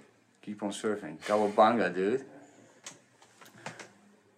Maar goed, even dit, dit ehm, onderwerp soort van afsluitend. Zo van, eh, je bent niet terug bij af, want je hebt je skills. Je bent gewoon... Het is niet dat je droomt nog om een hele goede fotograaf te zijn. Je bent het gewoon. Je, dat, dat- Ja, ik denk dat heel veel, bij heel veel artiesten is het natuurlijk aan de ene kant de, de intrinsieke motivatie om iets te maken, maar tegelijkertijd heeft ook elke artiest een podium nodig. Want want eh, dat maakt je een performer. Ehm, eh, en nu ben ik even tijdelijk natuurlijk het, het, het, podium in de VS kwijt. Eh, maar daar word je ook weer creatief van. Het, ene, het, grootste pijnpunt uit het verhaal is eigenlijk dat je gewoon echt letterlijk twee, twee jaar daarin geïnvesteerd hebt. En eh, dat het, eh, het mooiste verhaal uit, uit al die verhalen die ik van jou gehoord heb, is hoe je je agent hebt gescoord daar. Ja. Want dat vond ik echt zo'n typische. Dat, was de, als, het, als het schaken was, dan was dat de Stef move, zeg maar. Ja. Nou, ja, misschien kan je het beter zelf vertellen. Nou ja, ik heb, eh, het, in de, met name in de VS is het super moeilijk om mensen überhaupt aan de telefoon te krijgen. Want eh, je hebt eh, gate, gatewatchers en, en secretaresses. En, stuur maar een e-mail naar info. Ehm, Goed verhaal, lekker kort, we doen helemaal niks mee. ja, weet je, dan gooi je het op de hoop. Maar, maar alles draait om connecties. En je moet ook hoog durven inzetten. Dus op een gegeven moment heb ik op models.com een lijst gemaakt van agentschappen. Ehm, weet je, wat zijn, wat zijn de high achievers? En, eh, en waar wil ik onderdeel van, van zijn? Hè, want die, die, die komen overeen met mijn waarden.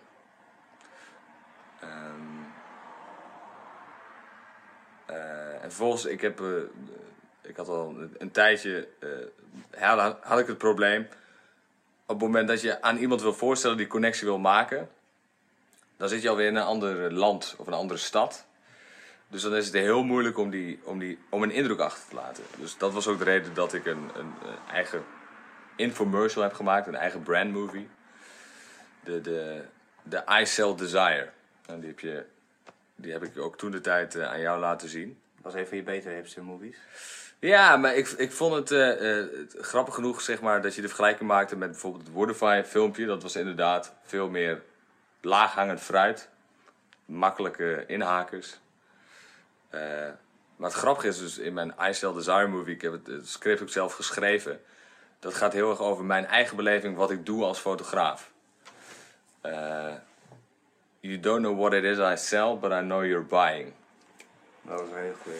Dus, dus het verkopen van confidence. Eh, en het grappige is dat ik in het filmpje in feite zeg, weet je, de- dat ik de, de, de, de keizers kleren laat zien. Ik verkoop lucht. I sell desire. Maar het mooie is, als de lucht maar heet genoeg is, dan drijft hij je naar een nieuwe, nieuwe atmosfeer. En dat is ook wat ik eh, wilde delen met mijn klanten. Hè, dat als zij het filmpje bekijken, hè, want het is een beetje mysterieus opgenomen en er zit een beat in en er zit een. En ik, en ik zie gewoon, ik denk als ik een hartslagmeter eh, ernaast zou leggen, dan zie je gewoon terwijl mensen dat filmpje kijken, zie je de hartslag omhoog gaan. En dat is exact het effect wat ik wil bereiken voor hun klanten. Dat die hartslag omhoog gaat. Nou, dat filmpje, dat heb ik, eh, eh, daar heb ik twee screenshots van gemaakt. Die heb ik als postkaart eh, uitgeprint. Ik heb een postkaart opgestuurd, handgeschreven. En er staat verder helemaal niks in. Het is alleen puur een screenshot van, eh, van uit, uit, uit die infomercial. Dus mensen ontvangen dat. Het is handgeschreven, dus dan moet het belangrijk zijn. Er staat verder geen afzender op, er staat helemaal niks op. Dus die mensen die gaan nadenken van, hè, wie heeft me dat gestuurd? Waarom hebben ze dit gestuurd? Weet je, dat zit ergens in een onbewuste voor, voor drie dagen. Drie dagen later heb ik nog een kaartje gestuurd. Met daarin een handgeschreven bitlink. Eh, die, die direct naar mijn website gaat, ook naar, naar die film. Ehm, eh, dus mensen die dat kaartje hebben ontvangen, die hebben dan met de hand die bitlink ingetikt. Maar hebben ze dat, dat daadwerkelijk gedaan? Heb je traffic erop? Ja, ja ik heb eh, eh, compositie in de, hoe vaak er werd, ge- werd gereageerd. Ik heb bijvoorbeeld 40 agencies aangeschreven. Daarvan hebben de 14 op mijn link geklikt. Daarvan hebben de vijf mensen gereageerd. Van die vijf mensen hebben de vier gezegd: eh, We vinden je werk hartstikke mooi, maar we hebben op dit moment te weinig werk om een nieuwe fotograaf aan te nemen. En één, eh, agent die zei: eh, Wat doe je vanmiddag? En dat was nog letterlijk voordat mijn vlucht uit New York terugging naar Miami. Echt op de valreep. Dus ik ben langsgekomen voor een kop koffie. Dat, dat waren ongeveer 20 minuten voor ingepland.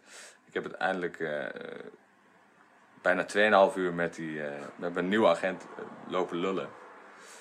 En dat was zo'n fantastische klik. Eh, en hij heeft me ook echt helemaal uitgekleed. Hij, we zijn door mijn portfolio gegaan en zei... Wat zegt hij dan? Wat zegt zo iemand? Nou ja, zeg maar. eh, wat ik heel mooi vind.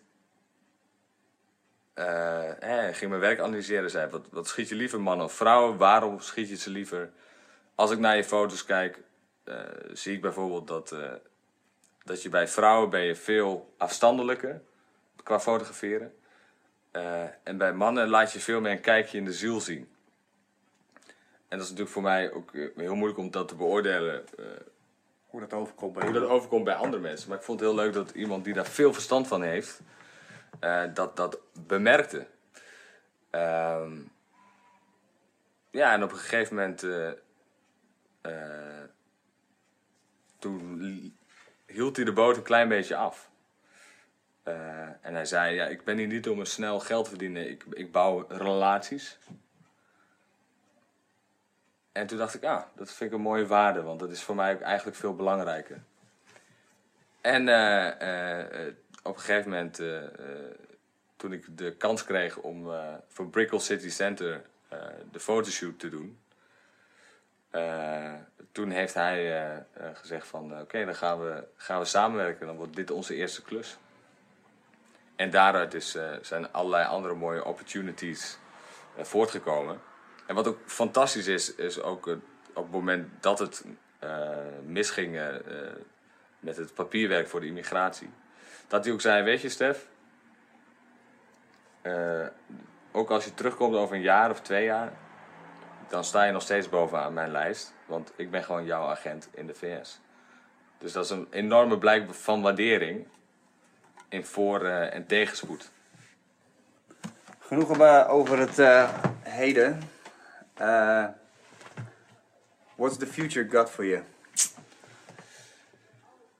F- ja. History will be kind to us, for we intend to write some. Alright, hier, hier. Die, die geldt nog steeds. We zijn er nog lang niet. Nee, nee, maar het is vooral een, een kwestie hè, van blijven, blijven schrijven. Als iemand überhaupt dit ooit gaat luisteren, zeg maar, dan ben ik benieuwd waar wij staan en wat we bereikt hebben. Ja. Wat is je best case scenario? En nu niet het billboard in New York, maar gewoon verder dan dat. Heb jij, heb jij Ja, ik denk dat ik heel. ehm, ik was altijd heel erg gefixt, of gefixeerd op, eh, op mijn carrière. Omdat ik natuurlijk, daar haalde ik mijn, mijn genoegdoening uit. Eh, maar met name, weet je, nu ik heb gemerkt. Als het, als het niet zo goed gaat. eh, dat ik me enorm ben gaan richten op. eh, op goede relaties. Dus dat je veel meer kijkt naar wat jij voor mensen kunt betekenen dan wat mensen voor jou kunnen betekenen. En dat is een, eh, een, een hele wijze les. Ja, dat echt eh, de les is ook. Van je bent. Giving is living, heeft, wordt het wel eens gezegd. dat is een goed punt. Ik, ik, ik zie het vooral. ehm,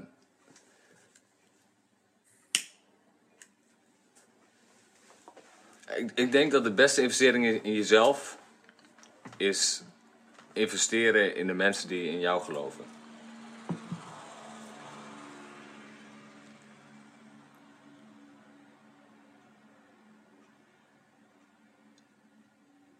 En ik probeer ik even te denken of ik een mooie afsluitende quote kan geven.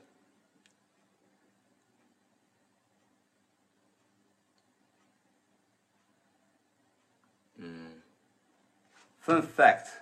Laat ik het zo zeggen. Eh, wij hebben bij een studentenvereniging gezeten. Zitten in, een, zitten in hetzelfde dispuut. We schelen een paar lichtingen. Ik was jouw bestuur. En ik heb jou lid gemaakt, om het zo maar te zeggen. Je mij ingehamerd. Ja. Nee, dat heeft Diederik gedaan. Ja, je hebt helemaal gelijk. Toen jij, daar zat er ook gewoon in, tijdens die ontgroening zat er ook, eh, ik kan ik me nog echt heel goed een moment herinneren. Jij was gewoon super laconiek, eh, kwam je er doorheen, het, het geschreeuw, het gedoe. En mensen die dit nu luisteren, het is echt niet zo erg als je denkt, het is één grote farce. Maar goed, op een gegeven moment zit je wel in een bepaalde roes, zeg maar. En dan krijg je de ene belachelijke opdracht naar de andere om te doen. Dus jij moest op een gegeven moment op van die houtblokjes of van die emmertjes, zeg maar. Wat je, kinderen, voor kinderen hebben geen stelten, maar die hebben van die emmertjes met van die touwtjes eraan. Met een rugzak op moest jij, nou ja, potentieel oneindig lopen. En dat ik achter jou aanriep, liep en dat ik tegen je aan aanschreeuw. Wat wordt het, Stef? Neem over... Wat was dat nou? Wat zei ik? Eh, neem over genomen worden. En dat jij tegen mij zei, hou je fucking bek dicht, jongen. Weet je wel, zo. En dat was pure frustratie. Dat was de eerste keer Dat ik Dat- iets van mezelf liet zien. dat jij iets van jezelf liet zien. Had jij verwacht dat wij hier zouden zitten en dat we zo'n gesprek zouden hebben? Nee, dat had ik niet verwacht. Maar dat, dat, ik denk dat een van de redenen waarom, eh, waarom we eh, go- goede vrienden zijn geworden, is omdat we denk ik beide een beetje een vreemde eet in de bijt waren. Ik denk dat, en die eigenzinnigheid, eh, ja, dat, dat trekt heel erg aan. Eh, dus nee, het antwoord op die vraag is nee. Ik had niet verwacht dat, dat we hier zouden zitten. Maar het is ook niet vreemd. Niets menselijks is ons vreemd. Nee, precies. dus waar zitten wij? Dat is, dat, wanneer ben jij... Je bent in 2008? Ja. Ja, dus eh, dat is eh, tien jaar geleden. Waar zitten we over tien jaar met z'n tweeën? Dat is een goede vraag. Ik, eh, ik zei altijd tegen mijn zus voor de gein: van oh nee, dan. eh, want ik, ik, ik zat natuurlijk, eh, terwijl iedereen de, jaarlijkse eh, eh, salarisverhoging krijgt, dan blijf jij struggelen in je hongersloontje, in je artiestenloontje, omdat je ergens in gelooft.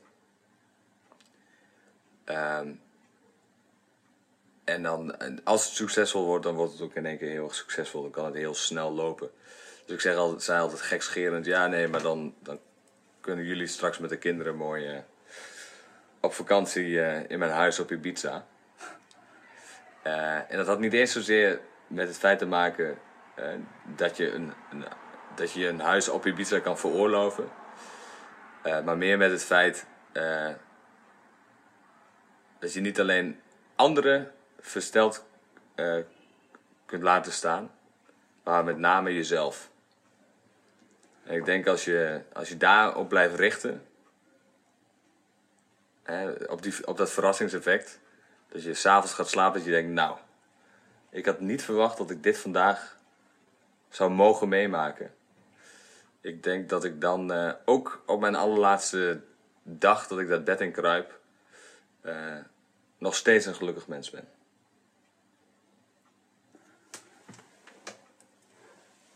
Dat is een mooie droom. Ik denk dat wij over tien jaar in mijn oma's dorp zitten. Wat ik dan heb opgebouwd tot een culturele incubator. Sippen van eh, Homemade Moonlight. eh, ho- homemade, alcohol-free moonshine. met, kom met komkommersap. en eh, dat we hier nog even goed op terugkijken. Laten we afspreken dat het in 2028 eh, een nieuwe podcast samen... Of misschien wie weet wat dan de, het medium Het is. medium is. Real life show. Dat kan alle kanten op. Ja. Maar het was me echt een eer en een waar genoegen. Ik vind het echt super tof om altijd met je in gesprek te gaan. Er, is altijd, eh, er komen mooie dingen uit. En eh, ik ben blij dat je eh, en dat jij, datzelfde geldt ook voor jou, omdat we elkaar kunnen bellen in eh, desperate moments voor de, dat eh, sprankeltje licht dat er altijd is. Mooi gezegd, dankjewel. Ja. The end. Mag dat? Ja, dat mag.